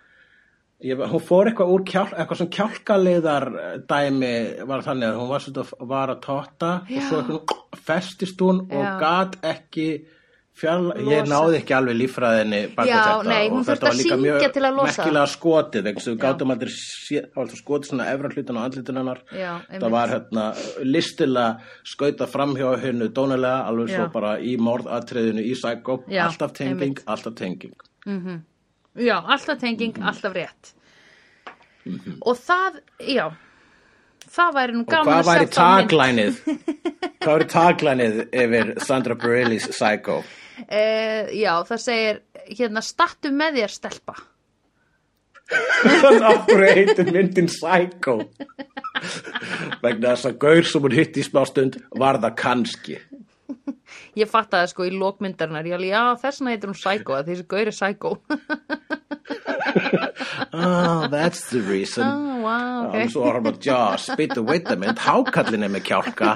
Ah, Uh, en það er svo skrítið að vera með skilur að því þetta nafn eh, Psycho er orðið svo það er svo mikið notað alltaf bara hefur ekki séð Psycho, oh my god. Eitthvað, þú veist það er alltaf að segja Psycho, Psycho, Psycho, Psycho, Psycho. Þannig þetta er orðið svo mikið bara svona eitthvað orð skilur, en svo Já. þegar þú ert að horfa myndina það er þetta eitthvað, já, ok, there is a reason. Maður segir líka bara Psycho stundum bara um, þú veist, maður, þetta er náttúrulega, hérna, þetta er stert orð og þýðir, hefur sterka meiningu en maður segir bara svona, oh, ég er svo mikið Psycho, þú veist, ég skil alltaf eftir allt í vaskinum. já, já, já. Og það er það sem að ég myndi að halda að væri titillin á þinni, hérna, þinni lástendu uh, sögu um konu sem stendur með sjálfri sér. Var ég að hún er svona, þú veist, að stela peningnum og er bara, oh my god, það, ég menn, hvað er ég að gera? Oh my, hvað er ég að gera? Ég er svo mikið psycho. Ég er bara að stela pening og er að fara, þú veist, kaupa hús já, fyrir kærasta minn sem á ekki bíl. einmitt Djöðl erum mikið psycho. Já, Ha. það er psycho hennar sko. Hún er náttúrulega alveg Jú, dude Ekki gera lítið úr Twas a different time Ég meina, it was the 60s Hún var algjör psycho fyrir sinn tíma Já, hún var algjör psycho fyrir Já. sinn tíma. Nefnilega. Sandra Bareilles, Psycho, startu mig sjálfur, kona. Það má koma betra tagline. Ég var ekki alveg undirbúin undir það. Það verður taglænið undir taglæninu. Er að þáka til betra taglæn kemur. En þá er þú kannski ekki að standa með sjálfur þér, kona. Að hafa ekki trú á þín einn taglæni. Já, nei, bara þú þegar ég heyrði það psycho. Já, ég er svo mikið sækó En þegar ég heyrði það svona í þessu samengi þá var ég eitthvað Ok, ef ég á að gefa þetta út þá myndi ég eitthvað svona aðeins taka þetta í endurskoðun Ekki í sögutráðin, ég myndi halda á honum alveg eins og ég sagði á hann En, Já, já. mér finnst þetta að vera með flott. Ég held að þú, þú verður mjög flott uh, hérna, kvikmynda að gera kona. Já. Með svona hérna, lástendar myndir sem er að lesa ímislegt í, sko. Þannig að uh, í rauninu, sko, í þinni mynd þá er Norman Bates karakterinn, hann er rauninu svona þjóna svipu hlutverki og hérna uh, uh, karakterinn í Fargo, hérna, eða hérna já, asi, asíski vinnurinnar sem er hittur Mm. á veitingahúsinu Mhm. og við erum bara svona, hvað er hans stíl? Og svo fer hann og við sjáum hann aldrei aftur. Þannig já, er Norman einmitt, Bates já. í þinni mynd. Bara, Þetta var weird, gaur. já, einmitt Því svo, svo horfi fólk á hina sækómyndina og hugsar, "Ah, já, það skall hurnari hælum hjá Söndru hérna aðleikonunni hjá henni Heppin var hún Og svo, já, þetta var, þetta, ég myndi segja þetta sér besta myndir hennar Sandra Bareilles. Eh, samt mín upp á Sandra Bareilles mynd er Sandra Bareilles Jaws sem fjallar um uh, svona unga hippa sem er á ströndinni og þau segja, hei, ef að syndi í sjónum og þá segir annar hippin, nei, við skulum ekki gera það, það er kalt og það er nótt, fáum okkur í jónum.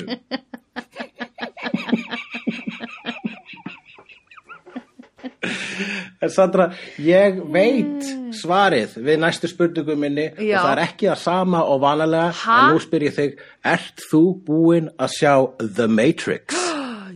Já, eitt sinn sá ég hana, já, en ekki mann ég hvað þá gerðist í henni, nema það voru pillunar, mm Mhm. ekki? Það voru pillur í henni, það var styrta í Psycho og það eru pillur í Matrix. Þú Oh verður að sjá Matrix Já, aftur. ég verð og við að sjá hana. Horfa hana. Ok, gerða. Peace out, motherfuckers, og passið ykkur á niðurfallinu.